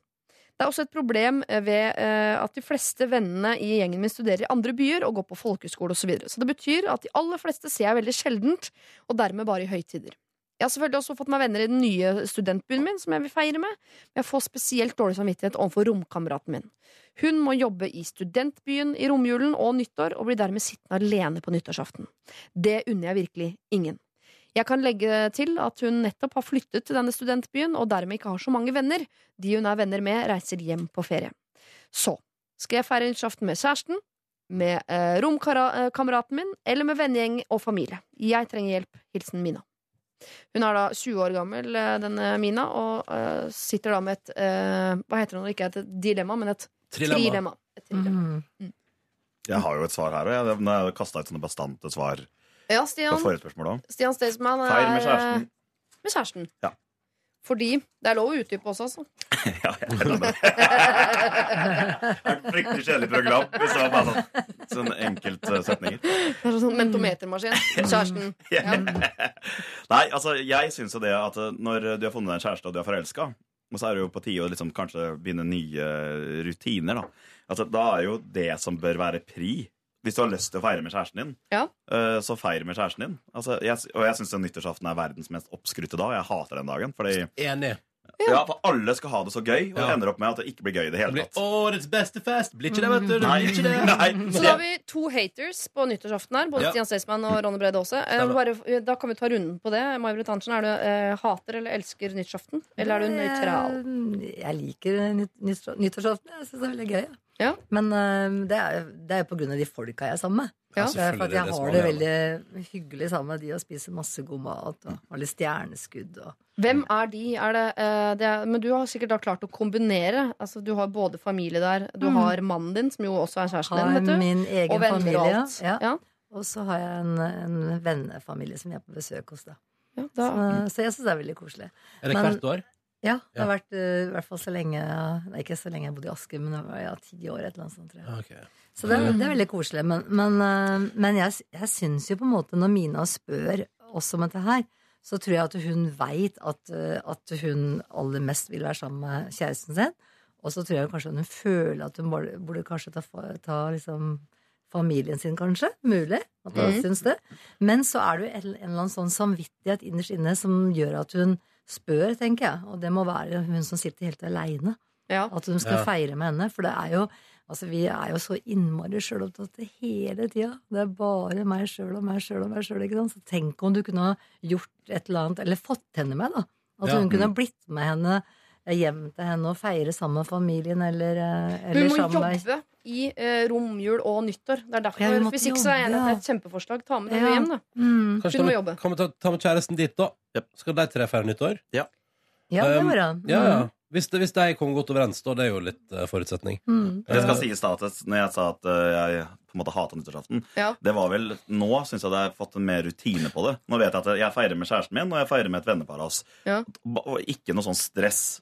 Det er ikke noe sånn hardfylla eller noen ting. Det er liksom bare å spise en god middag, titte kanskje på noen raketter. Og da syns jeg det har blitt litt koseligere å feire Ja, nyttårsaften. for jeg skal jo si at jeg har funnet en tradisjon siste åra som har eh, gjort nyttårsaften til noe hyggelig, og det er god vennegjeng som møtes, og så er det ikke noe snakk om noen forventninger utenom at alle må bidra med litt mat til den store nyttårstapasen. Ok, Så Helt kult for dere at dere har det så innmari bra i livet deres, da. Men, Ja, I 2012 da husker jeg at da satt jeg til 2012-2013 så satt jeg helt alene hjemme. Jeg hadde så mange fester jeg kunne gå på, og alle festene var den beste festen. Ja. Til slutt så bare ok, det her vet jeg blir en stor skuffelse uansett. Mm. Og da valgte jeg å være alene. Og det kan være at den venninna hennes som har bestemt seg for å jobbe over jul og nyttår Mm. For det her har jeg gjort sjøl også. Jeg sa ja til når jeg jobba på bensinstasjon en gang i tida. Så var det sånn der fellesmøte. Ok, det, Vi skal sjekke hvordan skal vi jobbe tre timer hver oss på julaften og nyttårsaften. Så jeg, jeg gjør den der eh, diskusjonen her enkel. Jeg jobber fra seks om kvelden til seks på morgenen på julaften. Og Ja. seks om kvelden til seks på morgenen på nyttårsaften. Ja. Og, da, og det kan være at venninna har tatt det valget rett og slett for at eh, for å unngå festingene. ja, for, ja, Og kanskje liksom tenke at hun sparer opp litt penger. Kanskje det er litt ting som er litt bedre betalt. Jeg vet ikke Ja, for det er har faktisk jeg har alltid tenkt sånn at å, øh, Jeg jobba i Oslo Taxi tenkte at øh, på julaften da skal jeg jobbe, for da er det mye Ja, penger å hente. Men det det, det, var fullt. Det var folk som hadde tatt alle vaktene i mai. Hadde faktisk seg på det Fordi folk, øh, Hvis man er litt ensom i høytider, så er det veldig deilig egentlig å kunne jobbe, for da har man det som en unnskyldning for å ikke være med venner og familie og på fest og sånn. Eh, Så det kan jo hende at den romvenninnen gjør. Men eh, jeg syns forslaget om å bringe kjæresten til studiebyen og feire med romvenninnen er god, men eh, som, hvis jeg setter meg inn i rollen som denne venninnen, For et sånn, kjærestepar ok, inni leiligheten. ja, så Ja. da skal hun kommer hit, hun, fordi hun syns så synd på meg, så da skal vi sitte i sofaen her på nyttårsaften og kjede oss i hjel. Eh, og så skal kjæresten sitte og se. ja. Han har en hel vennegjeng han, som venter på han på smør, mm. Men nå sitter han her sammen med meg fordi eh, de syns så synd på meg, for jeg er så innmari alene. Og så skal de to hvile ved midnatt. Ja, da. Ja, ja. ja, Jeg veit ikke det, altså. Jeg tror det er bedre også at hun er sammen med venninna eller tar en av de andre valgene. Men kan vi stryke familien? Ikke Ja, at jeg ikke er glad i familien, Ja, men men det er de- 20 år, det er nyttårsaften. Nå. jul, de feirer jul sammen. Ja. Ja. Sånn er det iallfall hjemme hos meg. Jula er hellig hos familien. Mm. Nyttårsaften, da er det tilbake til uh, Oslo og, og med kjæreste og venner. Mm. Ja. Skal vi si kjæresten, da? Skal vi gå for det? Ja, jeg, eller jeg tenker sånn Jeg vet hva jeg tenker. Jeg tenker Kan ikke du, Mina, bare kjenne sånn skikkelig godt etter hva du har mest lyst til på nyttårsaften? Og så gjør du det. Og det kom ganske tydelig fram. Det, Det kjæresten, jeg Hun hadde jo, var jo så forelska og klarte ikke å være vekk fra han en måned. Mm. Det gjør vondt bare å tenke på det. Ja. Ja, Ja. stakkar. Men slutt å tenke på det. Ja. Ja, ja, Kan ikke du og kjæresten bare reise vekk på nyttårsaften? Så er det på en måte en slags unnskyldning for at du ikke er noen annen plass heller. Ja, Nei, vi, vi, det. ble, vi måtte reise vekk. Vi. Ja. Så tredje jula på Vogna, det er litt gøy. For en gang så fikk jeg kjæreste på det. For det, det var bare par. Bortsett fra meg eh, som var singel, Ja. og en annen jente som var singel, på en sånn nyttårsaftenfest. Ja. Så klokka tolv når alle klinte, så hadde hun dama bare ett alternativ.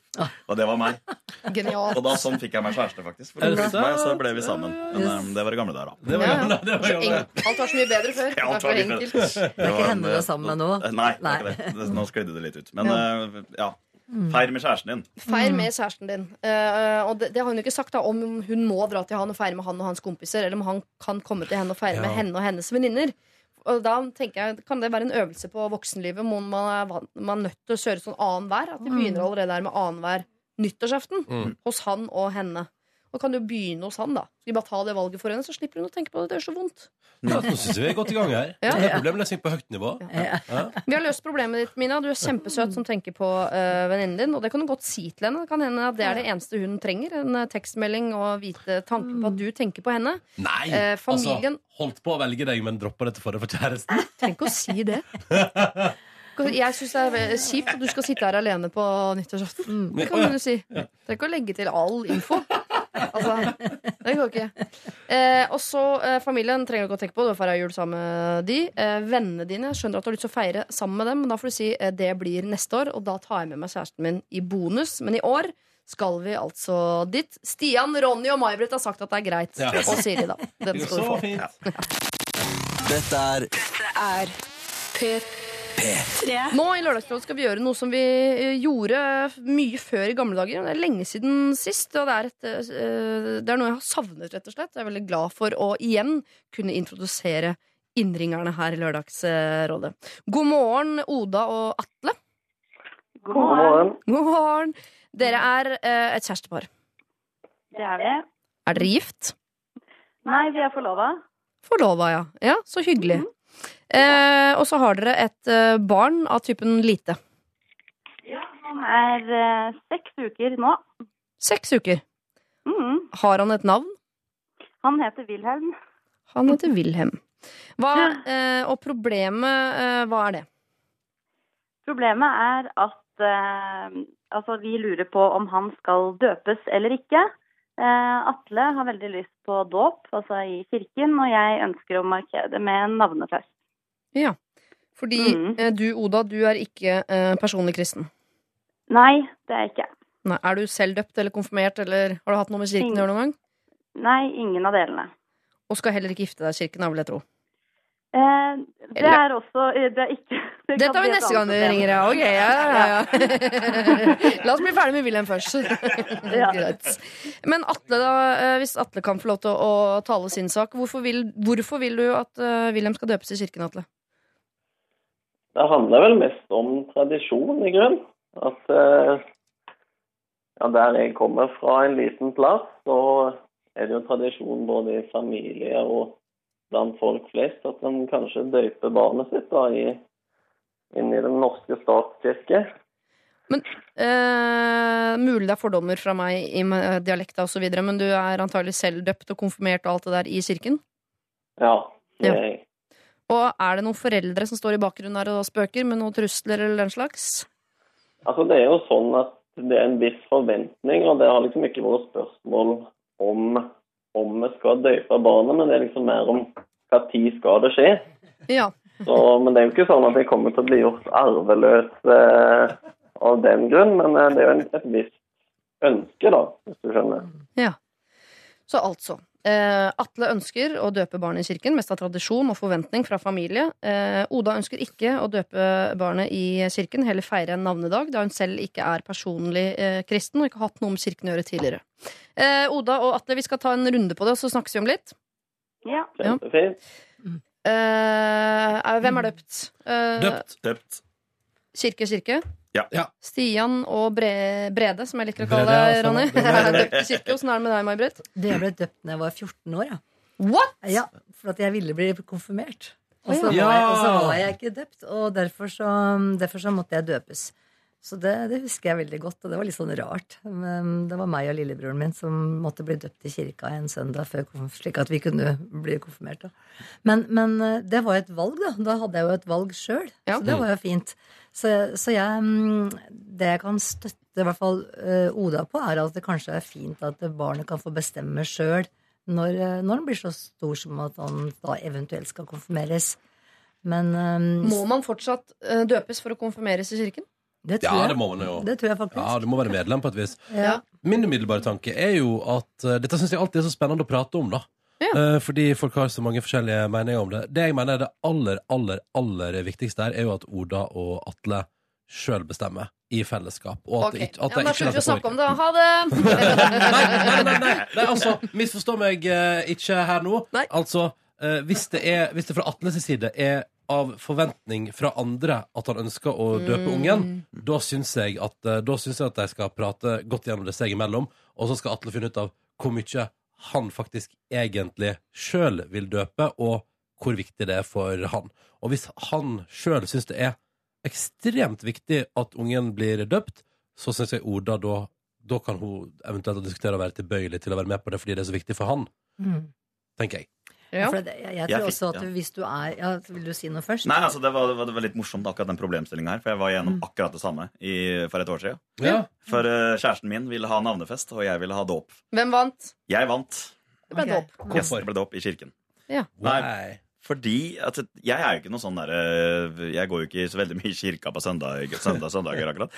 Men for meg så er det det, det, er den der, det er den samme grunnlaget som godeste Atle hadde. At det, det er tradisjon. da. Ja. Jeg synes det, er så, det er så fint med den greia. Også, også det å liksom invitere kompiser da, som føler seg totalt ubehagelig i den kirka. ikke sant? For at det er så kontrast fra hva livet de lever ellers. Ja. Så det blir litt sånn, litt sånn for å ja, Men jeg syns Det er practical joke på lass, liksom. Litt. Nei, men altså, det, det er litt den der, det er så tradisjon, da. Og jeg føler at det er det samme som å gifte seg i kirka. Da. Jeg føler at jeg er ikke ordentlig gift før jeg har stått der oppe, og alle gutta sitter i salen og føler Altså, jeg, Det kan bli like høytidelig utenfor kirka, mm. Staysman. Det har jeg sett i levende livet i bryllupet jeg har vært i, at det kan faktisk bli nesten bedre av og til utenfor kirka. ja, det er godt mulig, altså. Og, da, og nå kom jeg på noe veldig, veldig fint her. For at eh, jeg, jeg har jo to barn sjøl, og de er ikke døpt i kirka.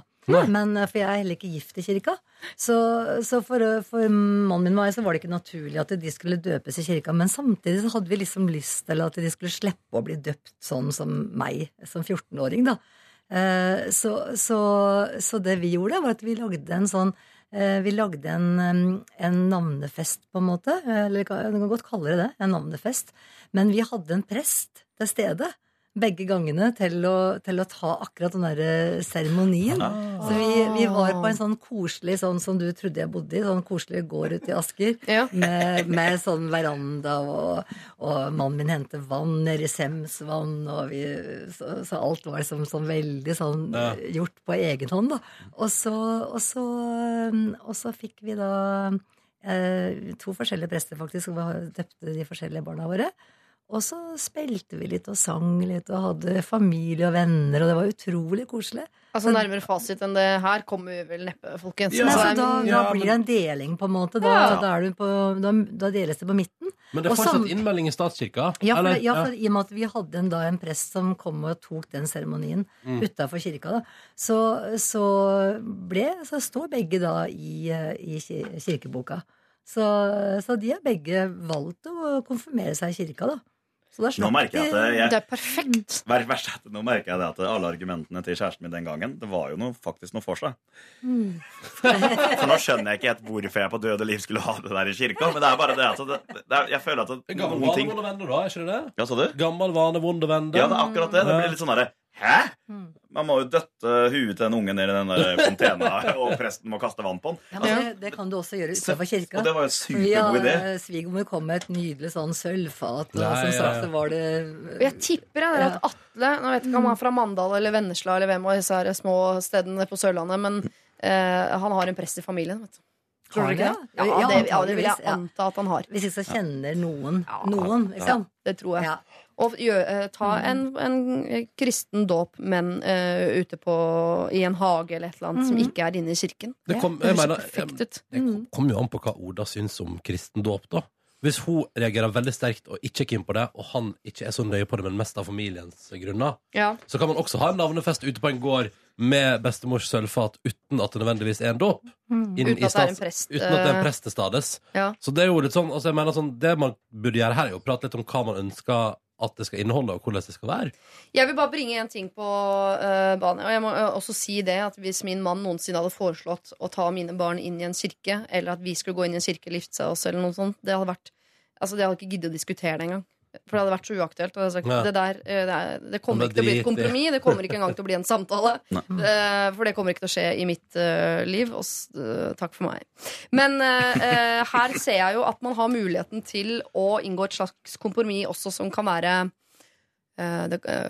farlig på en eller annen måte å åpne opp for. Men de har jo nå i sine liv nært forestående en dåp og et bryllup.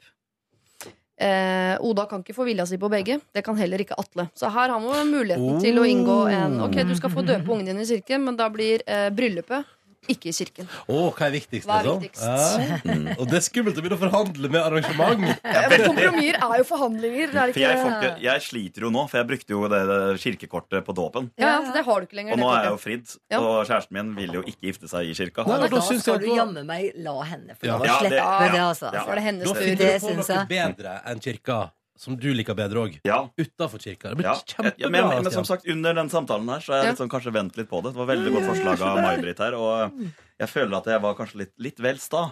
Ja. Jeg ser for meg hvis vi to hadde fått barn Er det gjennomgående i livet ditt? Det er nok det, er nok det, det innimellom, i hvert fall. Ok, Vi kan jo høre med Oda og Atle, for nå har vi egentlig to mulige valg her. De kan, eh, de kan døpe lille Wilhelm med prest i stedet, men ikke i kirken, og se om det er et godt nok kompromiss for Oda. Eller så kan de velge å dele dette inn i ok, du får dåp, men da får du ikke bryllup. Eh, Oda og Atle, er dere der? Ja, ja. Nja, er ikke helt sikker. Hva syns dere om forslaget til eh, May-Britt på å f ta presten ut av kjerka? Kjø- Ja, ut av kirka er ålreit, men det skjønner ikke helt hvorfor presten skal være da. For da blir det jo på en måte ikke kristelig allikevel. Så Jo altså, jeg syns eh, Ja, jeg, altså, jeg, syns jeg, har, jeg har lyst til å ha en uh, Altså, noe av det jeg ikke liker, da, med, det er jo det presten sier. Eh, det, og det om at altså, barnet er født med menneskeslektens synd og skyld og alt det der. Så da tar vi liksom med oss presten, føler jeg. Og det er det ikke vi, det er det ikke vil ha. Jeg syns jo markeringen er veldig fin, men jeg vil jo helst ikke ha det han sier. Men kan man ikke forme det til en viss grad? Jeg tror, du kan Hæ? forme, jeg tror du kan være med å forme det ganske mye, altså, hva presten sier. Absolutt. Ja, Mm. ja. Det kan ja, diskuteres, Hvis det er viktig det- for Atle med, med prest, så kan jeg være tilbøyelig på det, på en måte. Er det bedre Så lenge enn det han sier. Ja. Ja. Er det bedre å inngå det kompromisset enn å eh, si at ok, du skal få dåp, men da får du ikke bryllup? Eh, Hvis du må velge, Oda. Når, hvis du må velge, du må inn i kirken, enten ved dåp eller ved eh, bryllup. Når går du inn i kirken?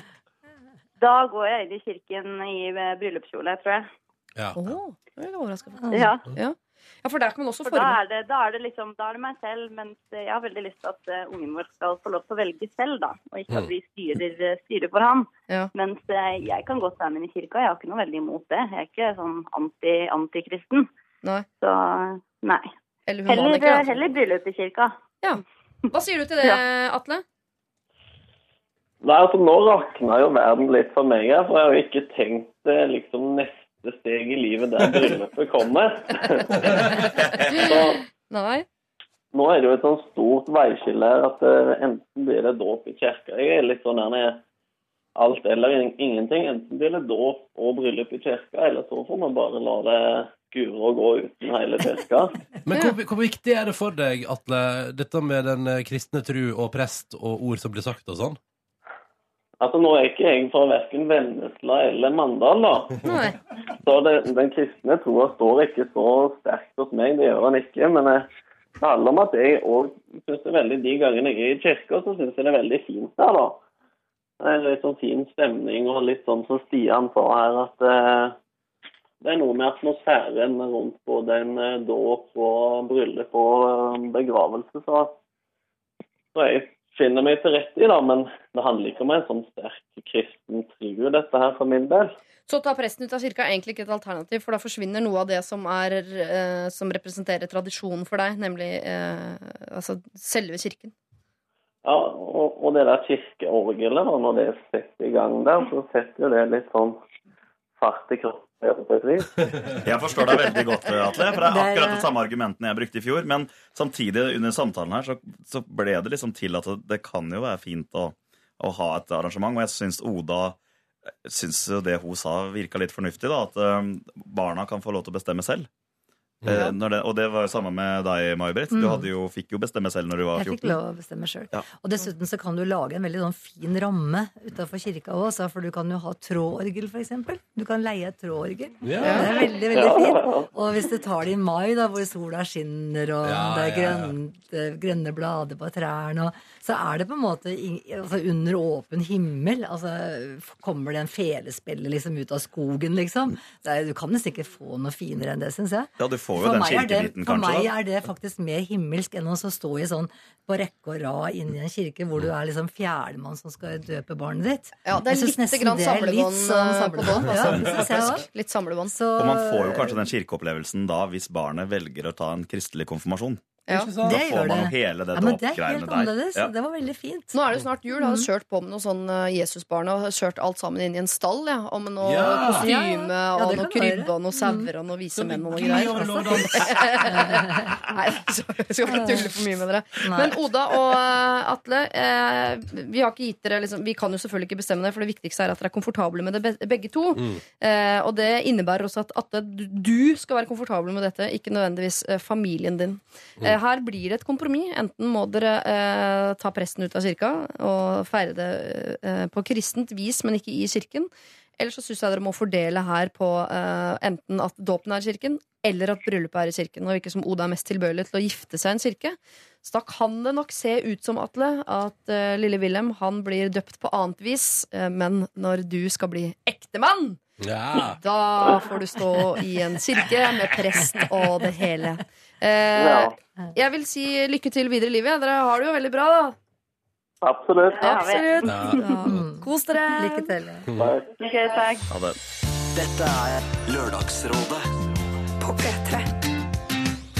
P3. Little Lover har vi hørt med Broadhurst, som uh, bare Det eneste det forteller meg, eh, at vi har hørt den låta, er at jeg har så lyst til å se sesong to av Broadchurch. Yes. Det var akkurat det jeg skulle si, jeg òg. Men jeg finner den ikke! Jeg skjønner ikke hvordan jeg skal klare å se den. Åh, jeg blir gal av det. Vi kan ikke begynne å snakke om det. Da eksploderer hodet mitt.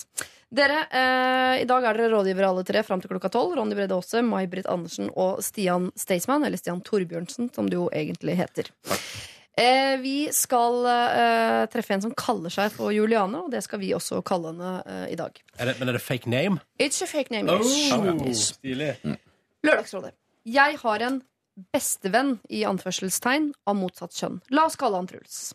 Truls og jeg har vært venner i over ti år. Det hele startet med en date da jeg ga tydelig beskjed om at vi kun kunne være venner framover. Det var greit for ham den gang. Vi har hatt eh, litt av og på-vennskap, men de siste fire årene har vi skrevet eller snakket sammen hver eneste dag. Ikke at jeg har et så sterkt behov for det, egentlig. Han sender flest meldinger.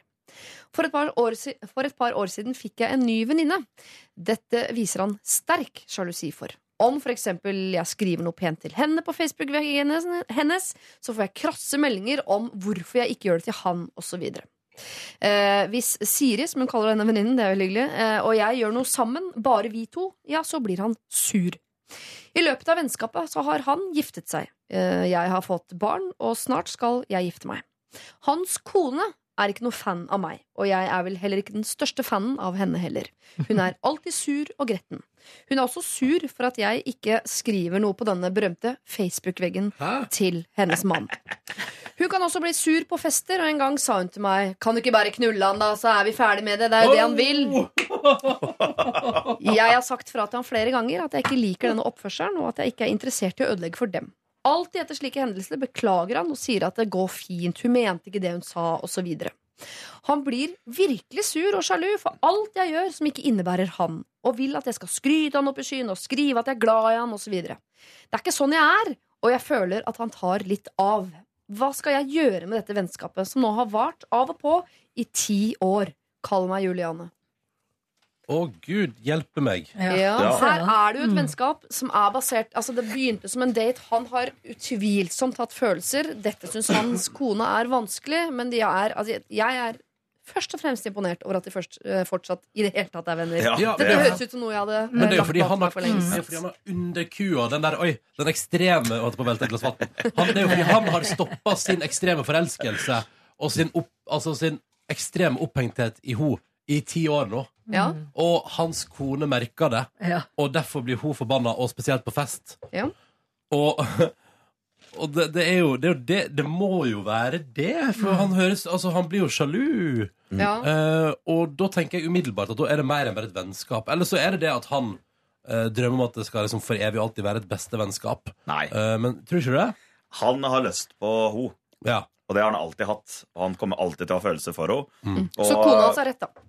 Hva da? Kona hans har på en måte rett. Ja. Ja, Mm, Eller han, hun tror at de gir seg hvis de får ligget sammen, da, tydeligvis. På fest. det gjør det jo aldri i verden. det, jeg tror ikke det er løsningen Å her. nei, dette er bare den evige ulykkelige forelskelsen som har vart i ti år. Ja. Uff, det er fælt, Hun altså. sier ikke Og det kan, jeg sier, ja, det kan godt hende det fins, men i denne mailen så er det ikke ett eneste positivt ord om han eller deres vennskap. Jeg bare nevner det. Mm. Åh. Jeg syns at hun burde ta en pause ja, fra det vennskapet.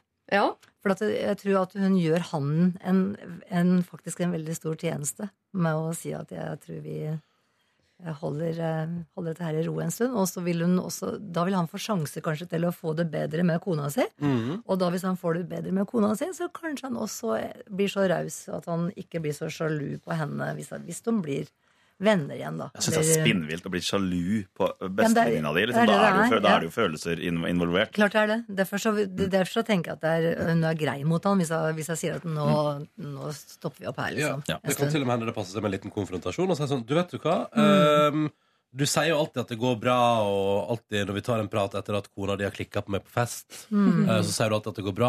Men vet du hva, nå tror jeg faktisk at jeg og du skal ta oss en liten sånn timeout. Ja. Fordi Mm. jeg syns at du gjør Du er et dårlig menneske overfor meg nå, og du er sannsynligvis et dårlig menneske overfor de korene også. Mm. Men de vennskapet har vært av og på i ti år, så nok en pause blir jo bare nok en pause, da. Det har, Men er det et vennskap? Eller er det, var det en date som utvikla seg til et sånt psykotisk uh... På første date ga hun klar beskjed om at dette her kan kun være vennskap. Ja. De har, eh, etter hva jeg kan forstå, aldri hatt noe fysisk med hverandre å gjøre. Da er han i hvert fall ivrig, da. Ja, Ja. og han gir ikke opp. Det skal han ha. Men, Men da er han vel bare så utrolig betatt at han ikke klarer å slutte Han klarer ikke å slutte å henge med henne. Mm. Uh, og hun tenker sånn Ja, ja, men han er jo en hyggelig fyr. Men hvorfor henger hun med han, da? Altså, hvis hun, Ja, det virker litt sånn. At hun vil hun at han skal liksom gå der og, og, ha, og ha veldig Ja. lyst på henne. på Ja, en måte. deilig at han bare Ja. tralter etter litt og gjør akkurat som hun så, vil. ja. Kanskje hun har ham som en sånn backup? Så jeg, jeg, jeg, tror, jeg tror også, også for hennes del, da, for hennes utvikling, liksom, så tror jeg det er veldig bra om hun tar en timeout, som du sier. Men samtidig, det kan, det, ofte er det jo sånn at man liker å ha denne uh, gående, så man Mm. hele tiden føler seg fortsatt attraktiv, for det er en fyr som går og sikler utafor porten din liksom, hele tida. Uh, men jeg syns jeg, virk- jeg, synes jeg bare hører irrita- irritasjon i denne uh, mailen. Jeg syns Juliane virker som hun er altså, så lei han fyren, og kona, og Mm. hele greia. Men hadde ikke hun sagt det i mailen sin til deg da, tror du? Jeg syns hun gjør det. Ja, underliggende? For jeg tror, jeg tror kanskje bare at hun ser på at det liksom, å, han er en flott fyr, og vi har det fint sammen. Eh, men akkurat nå byr han på litt mye styr. At det kanskje mer det det. At, og, at det hun egentlig irriterer seg over, er liksom hans oppførsel nå for tida. Kan, jeg veit ikke, men, men jeg syns eh, Det må jeg si, Han er sur og sjalu og gretten. Ok, og, greit. det er jo Det- ting er bare mas. Ting er basert på at du ikke skriver glad i deg-meldinger på Facebook-wallen. Ja, det- Men det det er- For meg så begynner det her å bli nesten litt sånn uh, Men- creepy. Men kan jeg henge meg opp i en liten ting? Hvorfor reagerer hans kone på at hun ikke skriver Altså at ikke vår Juliane skriver For da er ikke han lykkelig i heimen. Å, ja, så, han, ja, så han sitter hjemme med kona og sier bare 'Nå har ikke Juliane skrevet veggen min igjen!' Hva er det hun driver med? lar det gå utover sin kone. Kanskje det burde ta ti års pause. Ja. Det eneste positive hun sier, er bestevenn, men det står i anførselstegn. Mm.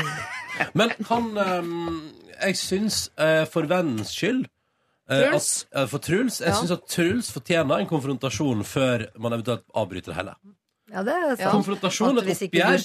deg Ja, så en slags så, sånn. En slags så- sånn der, Mm. er, det, er det faktisk sånn som jeg mistenker at det er? Hvorfor behandler du både meg og kona di sånn? Mm. Eh, og så får han muligheten til å svare på det, eventuelt gå i seg sjøl, fatte at han er eh, tidvis idiot, Mm. eh, og så kan han da velge om han vil prøve å bli et bedre menneske i deres vennskap, eller om, han, om Men- skal droppe det. Det er et, jeg føler at det er et men her. Ja. Fordi man ser det her kun vinkla fra Juliane sin side. Ja.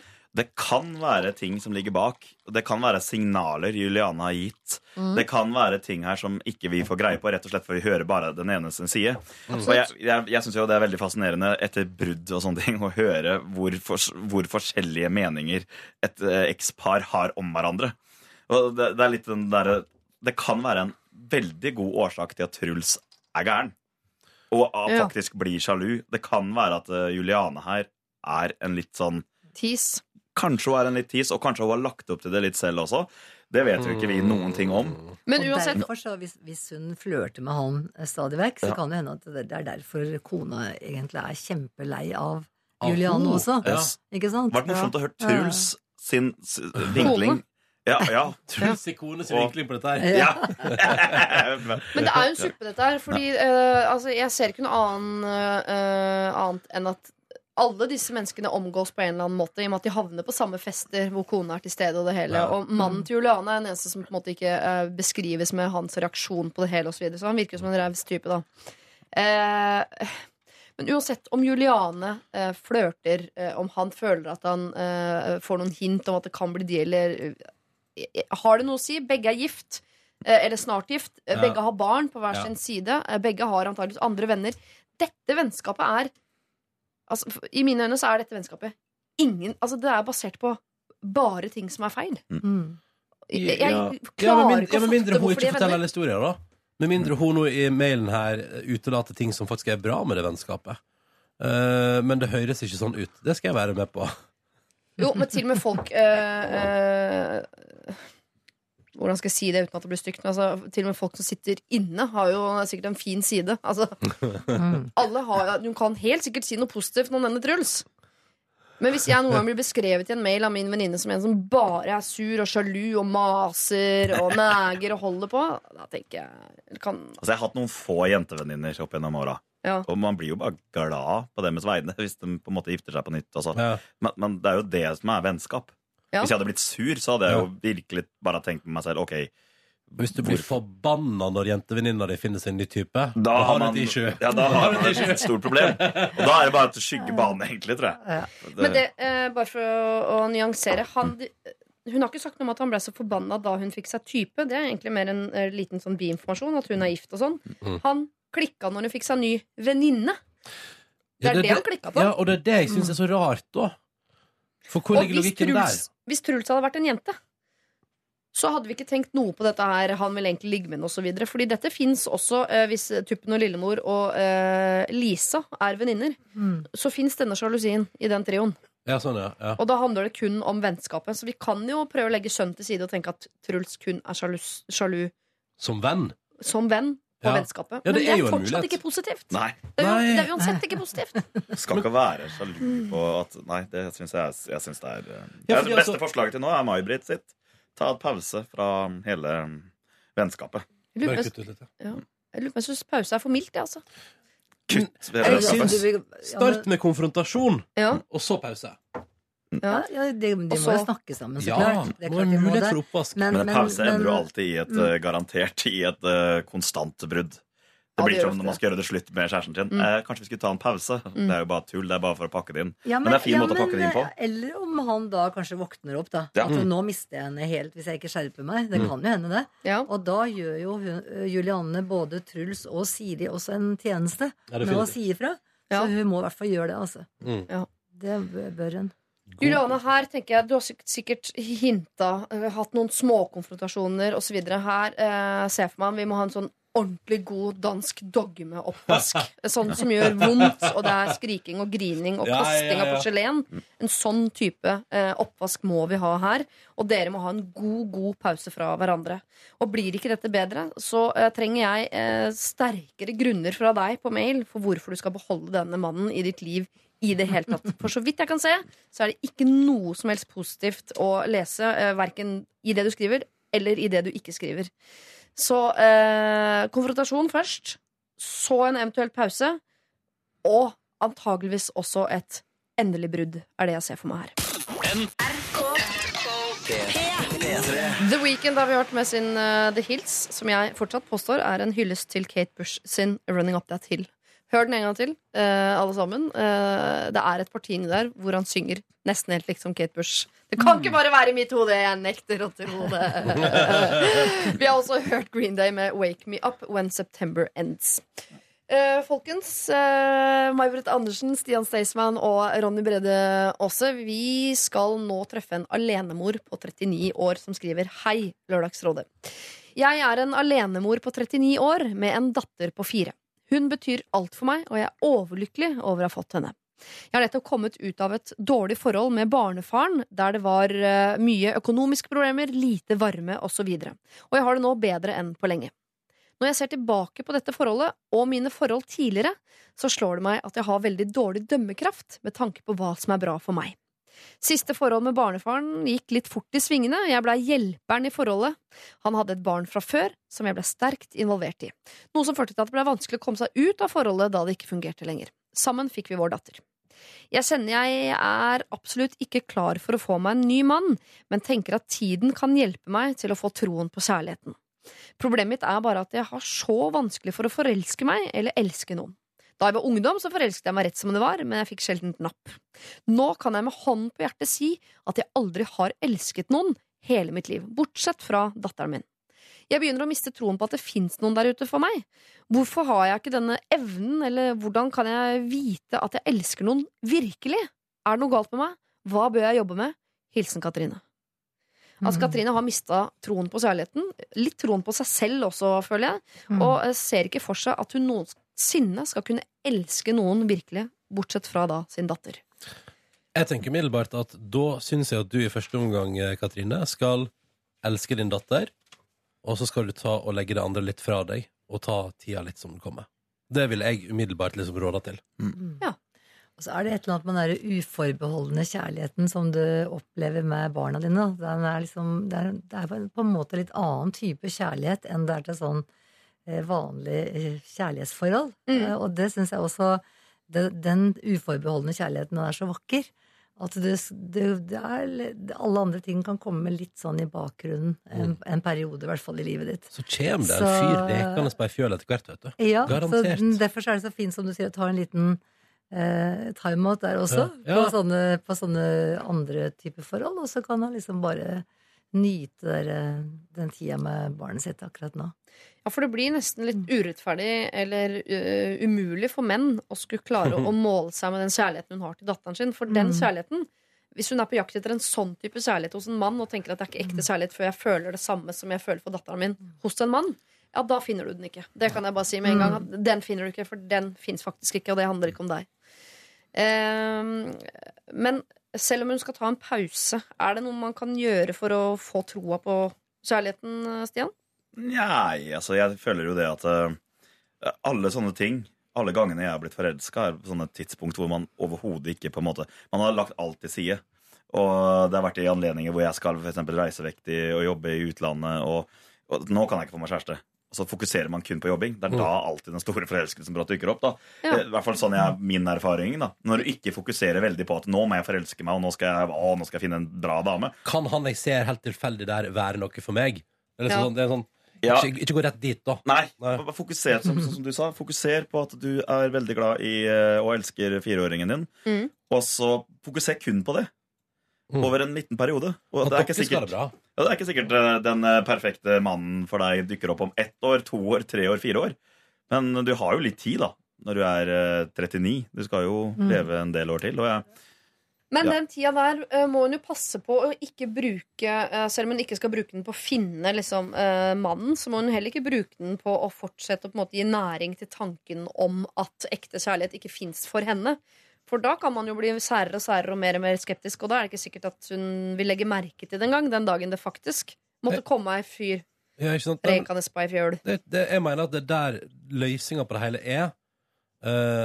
Elsk ungen din, bruk tid med ditt barn, heng med venner så ofte du kan. Eh, vær sosial med folk du er glad i, men som du ikke nødvendigvis elsker. Mm. Altså folk som er bra for deg å henge med, folk du kan prate med.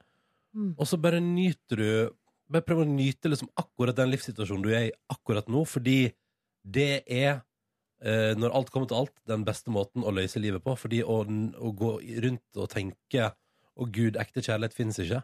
Det, det er som du sier, da, Siri, det gir bare Det nærer bare opp under et eller annet sånn destruktivt opplegg som bare gjør deg til et svakere menneske.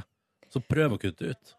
Men uten å bli for hobbypsykolog eh, på dette. Men hun føler ikke at hun har evnen til å elske noen på ordentlig. eh, og hun har en tendens til å falle for folk som ikke er bra for henne. Det er jo et, eh, om ikke annet, et slags mønster. Eh, så jeg frykter også her at hun skal selvfølgelig fokusere på å elske datteren sin. Men hun bør vel også fokusere på på et eller annet tidspunkt å bli ordentlig glad i seg sjøl. For jeg tror eh, det handler om når du finner feil folk, og du aldri blir ordentlig glad i noen, du slipper aldri noen helt inn, kanskje, eller så Mm. handler ikke det om at du er hun eh, uheldige som bare dumper borti feil folk. Da handler det om noe hos deg, tror jeg, Mm. Eh, som hun også må lære seg å elske. For det ser man jo gang på gang på gang på gang. At uh, kvinner har en tendens til å falle for uh, menn som ikke er bra for dem. Ja. Og så dumper de dem, og så fortsetter man i samme greia resten av livet. på en måte. For de finner liksom på en måte Ja, jeg, og jeg tror kanskje du må bryte med et mønster her, i hvert fall. Ja. Og som du sier, uh, lære å elske deg selv først. Og være sosial, sånn som Ronny sier. Mm. Og gjøre akkurat Gjøre de tinga som gjør at du kommer i en situasjon hvor du faktisk kan treffe drømmemannen uten at du, du må stresse veldig med det. Heng med folk som gjør deg vel. og som vil deg vel. Det er liksom det aller beste tipset, føler jeg. Liksom når man er, Iallfall når man er i en sånn der du har kommet ut av noe, og du har sikkert satsa mye på det forholdet som på ingen måte fungerte, og hengt deg opp i det hele tida, om igjen og om igjen og om igjen. Uh, hva er det som ikke funker her, og hva, hvorfor er det min skyld, har du sikkert òg tenkt. Og da tror jeg at liksom det beste du gjør for å komme ut av det, eh, det er eh, den evige beste terapien, mener jeg. Heng med folk som vil deg vel, og hvis du ikke nødvendigvis har noe sånn umiddelbart, så eh, bruk alle muligheter til å finne sånne folk. Og da tenker jeg sånn, ikke gå på jakt etter en mann. Ta med, Uh, ta med dattera di på skisenter i vinter. Reis på en eller annen ferie der det er lett å komme i kontakt med andre folk. Gjør liksom sånne ting. Fordi jeg tror til sjuende og sist er det liksom det aller viktigste for å få trua på seg sjøl, er jo å omgås mennesker som har trua på deg. Ja, og fokusere og tenk positivt. Og så kan hun jo, hvis, hvis hun skal liksom eh, tenke litt på seg sjøl, som du sier, og tenke litt framover, så kan hun jo liksom oppsøke litt sånne steder hvor det kanskje er litt spennende menn med, med barn, da. Det kan, Ja. jo, det kan jo være litt Ja, sånne, ja, ja. sånne enslige fedre som også tenker at 'jeg får aldri møtt hun dama som jeg egentlig vil være sammen med'. Mm. Som svømmehallen, for eksempel. Svømmehallen er jo ganske greit sted å, å gå hvis man vil leite litt, liksom. Ja, vi ser, Der det, er det tenker du? der er det Ja, bare ja, se, ja. der- Ja, ja, ja. der er det masse barn, og så er det masse mødre og fedre som, eh, som liker seg sjøl og ikke liker seg sjøl, og det ene med andre. Så uh, Katrine, du spør er det noe galt med meg. Hva bør jeg jobbe med? Uh, svaret er nei. Det er ikke noe galt med deg. Hva bør du jobbe med? Jo, du burde jobbe med å forstå det på en eller annen måte. Hvorfor har jeg ikke denne evnen, eller hvordan kan jeg vite at jeg elsker noen virkelig? Eh, jo, du har den evnen. Det er den evnen vi mennesker er født med, som skiller oss fra eh, dyr og maskiner. Så den evnen er jeg helt sikker på at du har. Du er bare nødt til å finne den, og den tror jeg du finner et eller annet sted inni deg. Fokuser på datteren din i årene framover. Den kjærligheten som du har til eh, henne. Prøv å se om det er noen andre i livet ditt som kan, eh, som kan hjelpe deg å få deg til å, å fokusere på positive ting. Altså Oppsøk de som er glad i deg, og som du er eh, glad i. Ikke let etter mannen.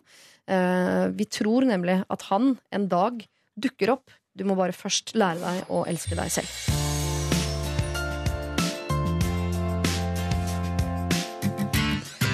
Adele med sin Set Fire to the Rain har eh, vi hørt her i Lørdagsrådet på NRK P3. Og vi skal ta morgenens siste problem, som handler om en bacheloroppgave. Eh, nå skal jeg ikke eh, være for bastant på det, men jeg ser for meg at ingen i dette rommet har en såkalt bacheloroppgave. Hva med deg, Mabrit Andersen? Har du det? En bacheloroppgave Nei, ikke en sånn formell, kan du si. Jeg har liksom holdt på med, med tinga mine i 40 år. Da, så jeg, jeg føler jo på en måte at jeg, har, jeg kunne sikkert ha gått opp til en, en sånn type eksamen Ja. eh, i, i formidling. Ja. Eh, Det tror jeg jeg kunne ha gjort. Ja, Men du har ikke en bacheloroppgave? Nei, det har jeg ikke. Har du det, Ronny? Nei, jeg hoppa av etter to år jeg, gitt, for å begynne å jobbe her i stedet for. Uh, angrer ikke på det i dag. Kanskje om ti år, men akkurat nå tenker jeg sånn at den bacheloren der, den får bare Det var ikke vits i. Nei. Du, Stian Staysman, har du en bacheloroppgave? Nei. Nei. Ble du veldig overraska av det? Nei, nei, men vi sitter Nei. i samme båt, hele gjengen. Så ingen, ingen som har mulighet til å tråkke på noen her. For en gjeng! Skal vi redde verden. Yes. Ok, vi skal ikke redde verden, men kanskje vi kan redde Kine, som Ja. jo er en av de som er i ferd med å skulle ta en bacheloroppgave, da. Mm. Kjære Lørdagsrådet, dette må løses før 1. desember. Ergo, vi har eh, tid nok, men ikke så god. Ja. Jeg er student på siste året på en bachelorgrad i samfunnsøkonomi og skal skrive bacheloroppgave. Det er eh, ca. 50 sider. Eh, 1. desember er det frist for å levere tema og problemstilling. For en uke siden så hadde jeg ingen anelse om uh, hva jeg ville skrive om, og jeg hadde ingen å skrive med. Og jeg vil absolutt ikke skrive alene. Bachelorlederen min ga meg informasjon om en annen som også var alene.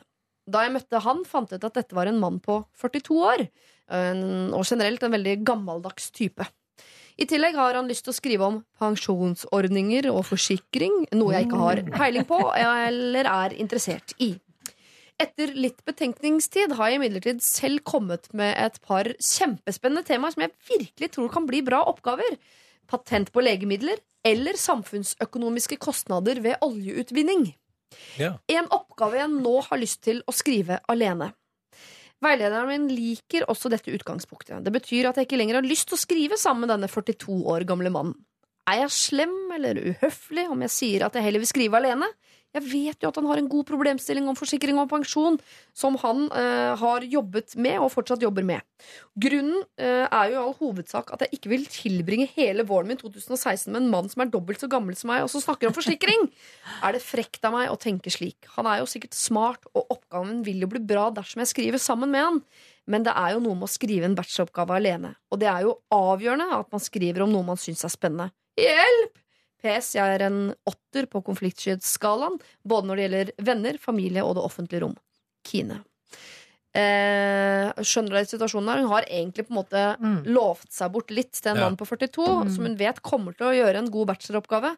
Men hun orker ikke tanken på å tilbringe våren sin sammen med han. Ja, nei, jeg synes det er et ganske klart og tydelig svar. Jeg. Ja.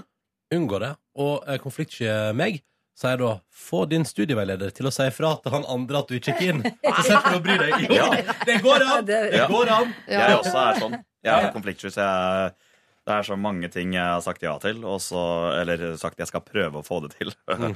Hvorav folk får et viss forhåpning om at jeg skal få til ting, og så prøver jeg å unngå dem eh, veldig mye etterpå. Det er litt min svakhet. Har ikke du sånn management også, som bare kan si sånn, Nei, det burde jeg hatt. Dette kan ikke Staysman ta seg råd eller tid til.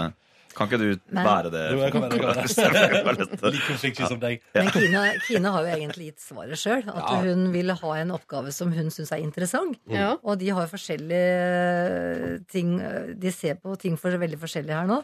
Så det, det er klart at pensjon og forsikring er, er kanskje litt kjedelig for henne. Så da er det jo Er det ikke greit å bare si det? At hun, at hun syns at det blir for kjedelig? At hun vil velge noe annet? Men eh, ja, jeg, skjønner at det eh, kan høres kjedelig ut å tilbringe et halvt år sammen med en fyr på 42, selv om jeg nå har tilbrakt åtte år med en mann på 45 og syns det er helt fortreffelig. Em, må den du skriver oppgave sammen med, nødvendigvis være liksom kompis? Jeg tenker at det kanskje er lurt å skrive oppgave sammen med en eldre smarte som ikke du i tillegg også skal drikke øl og danse med på kvelden. Og skille de to verdenene. Ja, for det, er det som slo meg, da, at kan problemstillinga her også være det at det, hvis hun gjør den oppgaven her med han 42 års gamle smarte mannen, Ja. så vil hun sørge for at hun får et bedre eh, bacheloroppgave Ja, enn hvis hun skulle gjøre det alene. Så hun også har det dilemmaet å tenke på. At hvis jeg gjør det med han, så safer jeg på en måte mer. Jeg får en bedre oppgave enn hvis eh, jeg personlig gjør det, som har mye mindre liv, livserfaring og skal skrive det. Jeg vet ikke om det er en del av problemet hennes. Kan det være. Ja. Men hva om hun sier eh, til eh, mann 42 Åh, jeg har kommet på et tema som jeg må skrive om. Dette brenner jeg for. Dette har jeg så utrolig eh, lyst til. Det handler om eh, samfunnsøkonomiske kostnader ved oljeutvinning. Mm. Og hvis han da sier å, men hjelpes, det høres spennende ut, det har jeg også lyst til, så tenker jeg da er vi to mennesker som har lyst til å skrive om noe som eh, du syns er veldig spennende, og han er i tillegg eldre, smartere, og du slipper å omgås han eh, på det sosiale i tillegg. Mm. Da kanskje man kunne gjort det sammen, eller Ja, jeg tror det, er ikke, det høres ut som det er forferdelig Det å kan være sammen med folk på 42 år. Men det kan, ja, sånn som du sier, da. Foreslå det for han. Ja. Mm. At kanskje, Ja, kanskje ja, for da kan han få valget om å takke nei. Ja. Ja. Så må du sikkert Mm. kanskje gjøre til han har bestemt seg for pensjonsbonanzaen sin og har begynt å jobbe med det. Ja. Men samtidig tenker jeg det er jo et godt poeng at eh, Men, men det som jeg tror er veldig viktig her eh, Jo, jo, det er fint å ikke måtte omgås på fritid, og at man er ulike, og hvis begge to er interessert i studiet, det er topp. Men det er jo òg litt viktig at de to kan jobbe sammen. Mm. At de kan fungere som et team. Eh, Og det er ikke alderavhengig, egentlig. Det er personlighetsavhengig, tror jeg. da Ja, De det må ha en god jeg. arbeidskjemi, men betyr ikke at de trenger å ha sykt god tone på Snapchat. Liksom. Nei, Altså, nei, nei, nei, nei. Ja. Så det kan jo hende at det, er det, at det er det hun merker. At det egentlig ikke er så god kjemi. Og så Mm. bruker hun alderen, for det høres penere ut, liksom. Ja. Ja, men jeg synes at, ja, i hvert fall, Men- ja, det vet, vi vet vel ikke helt om hun har den kjemien. Det kan jo hende at hun er en veldig god arbeidskjemi. da Han er en gammeldags type, sier ja, hun jo. Greit, så da fant Ja. det svaret. Ja, nei, altså, kan ikke hun bare sette seg der, Da har hun mandagen da på å bestemme seg. Sett deg ned med denne 42-åringen, Mm. og så kan dere prate litt gjennom og du sier at du er keen på å gjøre noe annet, og så kan du se om han følger etter. Og så kan man òg prate litt om hvordan man kunne tenke seg å jobbe. Og da er det helt OK og helt innafor å gå ut derfra og si Vet du hva, jeg gjør det på egen hånd, hvis det er det du vil. Er ikke det også ganske fint å gjøre det på egen hånd? Tror du ikke at du blir veldig selvstendig og lærer veldig mye av det? Da? er det jo kult å levere en grad som du står 100% for Ja. sjøl. Ja, det vil jeg, det vil jeg ha tenkt òg. Ja. Mm. Du har, eh, som Rodden sier, mandagen til å bestemme deg eh, på. eh, Og som, som konfliktsky så tenker jeg at det er en, faktisk en ganske ærlig, men behagelig måte å komme seg ut av dette på. Ved at du eh, ikke velger bort mennesket bak bacheloroppgaven, men du går for tema i bacheloroppgaven. Og så må han da antageligvis velge seg selv bort. Ergo du har ikke på en måte tatt det valget. Du sier hvilken oppgave du vil skrive. Eh, Den vil han antageligvis ikke skrive, og problemet er løst.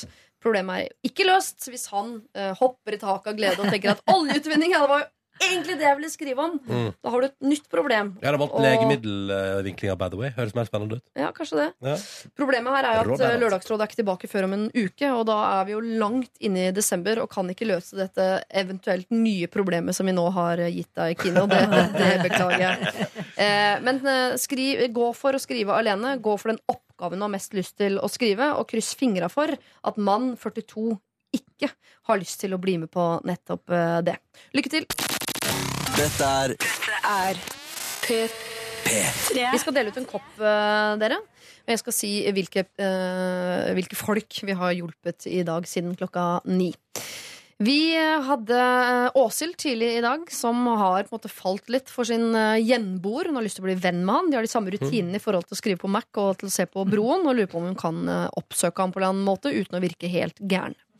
Så har vi Ari, som etter sin mors død har fått muligheten til å lese i hennes dagbok. Der står det både hyggelige ting for han, har han fått beskjed om, men det står også ting han antageligvis ikke vil vite.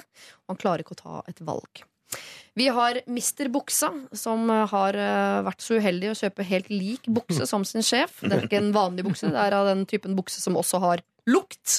Så han både går i lik bukse og lukter nå likt som sin sjef, og lurer på hvordan han skal komme seg ut av det. Mina er ikke helt sikker på hvor hun skal feire nyttår i år. eh, Med sin nye kjæreste, med sine gamle venner og familie. Eller eh, tilbringe da nyttårsaften sammen med sin romvenninne, som er helt alene. Atle og Oda har vi snakket med på telefon i dag. De var usikre på om de skulle døpe lille Wilhelm i en kirke, eller om han bare skulle feire navnedag. Så har vi Juliane, som har et uh, ti år langt vennskap med Truls, eh, som virker jo som en uh, nokså slitsom venn, for å pakke det inn uh, pent. Eh, og lurte vel egentlig på om eh, hun skulle fortsette det vennskapet. Eh, Katrine har aldri elsket noen på ordentlig, bortsett fra sin fire år gammel datter, og lurer på om det er noe gærent med henne. Det er det da altså ikke. Og til slutt Kine, som eh, må på mandag bestemme seg for om hun skal skrive bacheloroppgave alene eller sammen med en 42 år gammel eh, mann. Hvem fortjener kopp? Ja. Ja. Vanskeligste problemstillinga i dag syns jeg var den med dagboka til Ari. Mhm. Det var den mest sånn følelsesmessige problemstillinga, kanskje. Ja. Mhm. Jeg syns at hun som er redd for å aldri kunne elske noen òg, kanskje kan få seg en liten kopp. Jeg vet ikke det er litt som en sånn Du kan ikke elske noen, men se her har du et flott, flott krus. Kanskje du kan bli ordentlig glad i det. Ja. Ja. Ja, nei, men, men, men, men ja, men det er hyggelig å få en liten påskjønnelse, tenker jeg. da. Ja, ja. Ja, kanskje hun trenger det mest, kanskje. Å få en liten oppmuntring, på en måte.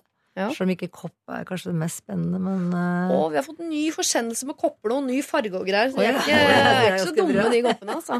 Men, men og hun kan jo òg ha den koppen som en evig sånn påminnelse om at eh, hun må først og fremst tenke på seg sjøl. Så da tar hun seg en kopp kaffe Ja, eller te, ja, og så kan hun se på den koppen, og så etterpå så ringer hun til noen venner som hun liker, og som liker henne, og henger med dem. mm. Ja. Jeg stemmer for deg, ass. Ja. Er du med på laget, Stian? Jeg er med på laget. Yes, inngår det et kompromiss, Stian? Jeg skal ringe hjem til forloveden din og si Du har blitt så soft av å være her i lørdag. Ja, det er fint. Eh, May-Britt Andersen, eh, Torbjørn eh, Nå får jeg beskjeder fra produsenten, så vi blir helt satt ut. Torbjørn Stiansen, som det heter. Stian Yes. Torbjørnsen. Brede Ronny Aase. Og Anders May-Britzen. Eh, tusen takk for at dere kunne være rådgiver her i dag. Ha Så en. Fortreffelig lørdag. Ha en veldig fin konsert i morgen, May-Britt. Tusen takk. På eller? Kulturkirken Jakob. Jeg tar med meg Signe og Jesper og kommer. Jeg. Ja, så koselig. Å, så bra. Og Ronny, eh, ha det gøy på P3 Gull i uh, kveld. Takk for det, og jeg håper du ser på. Skru på fjernsynet ditt, Siri. Eller kommer du? Eh, nei, vi jeg skal på konsert dagen Ja, du skal på konsert med Berit Andersen i morgen, men nå må du skru på Ok, jeg, skal, jeg skal se på deg. Ja, det er bra. Halv ti, NRK3. Og Stian, jeg håper du bruker Lørdagsrådet uh, til alle dine problemer som måtte dukke opp nå i tiden fram mot dette bryllupet, hvor dere skal bli enige om en hel del ting, Ja. og du ikke har muligheten til å bestemme alt sånn som du liker best Jeg skal sende mail. Skal spamme mailboksen.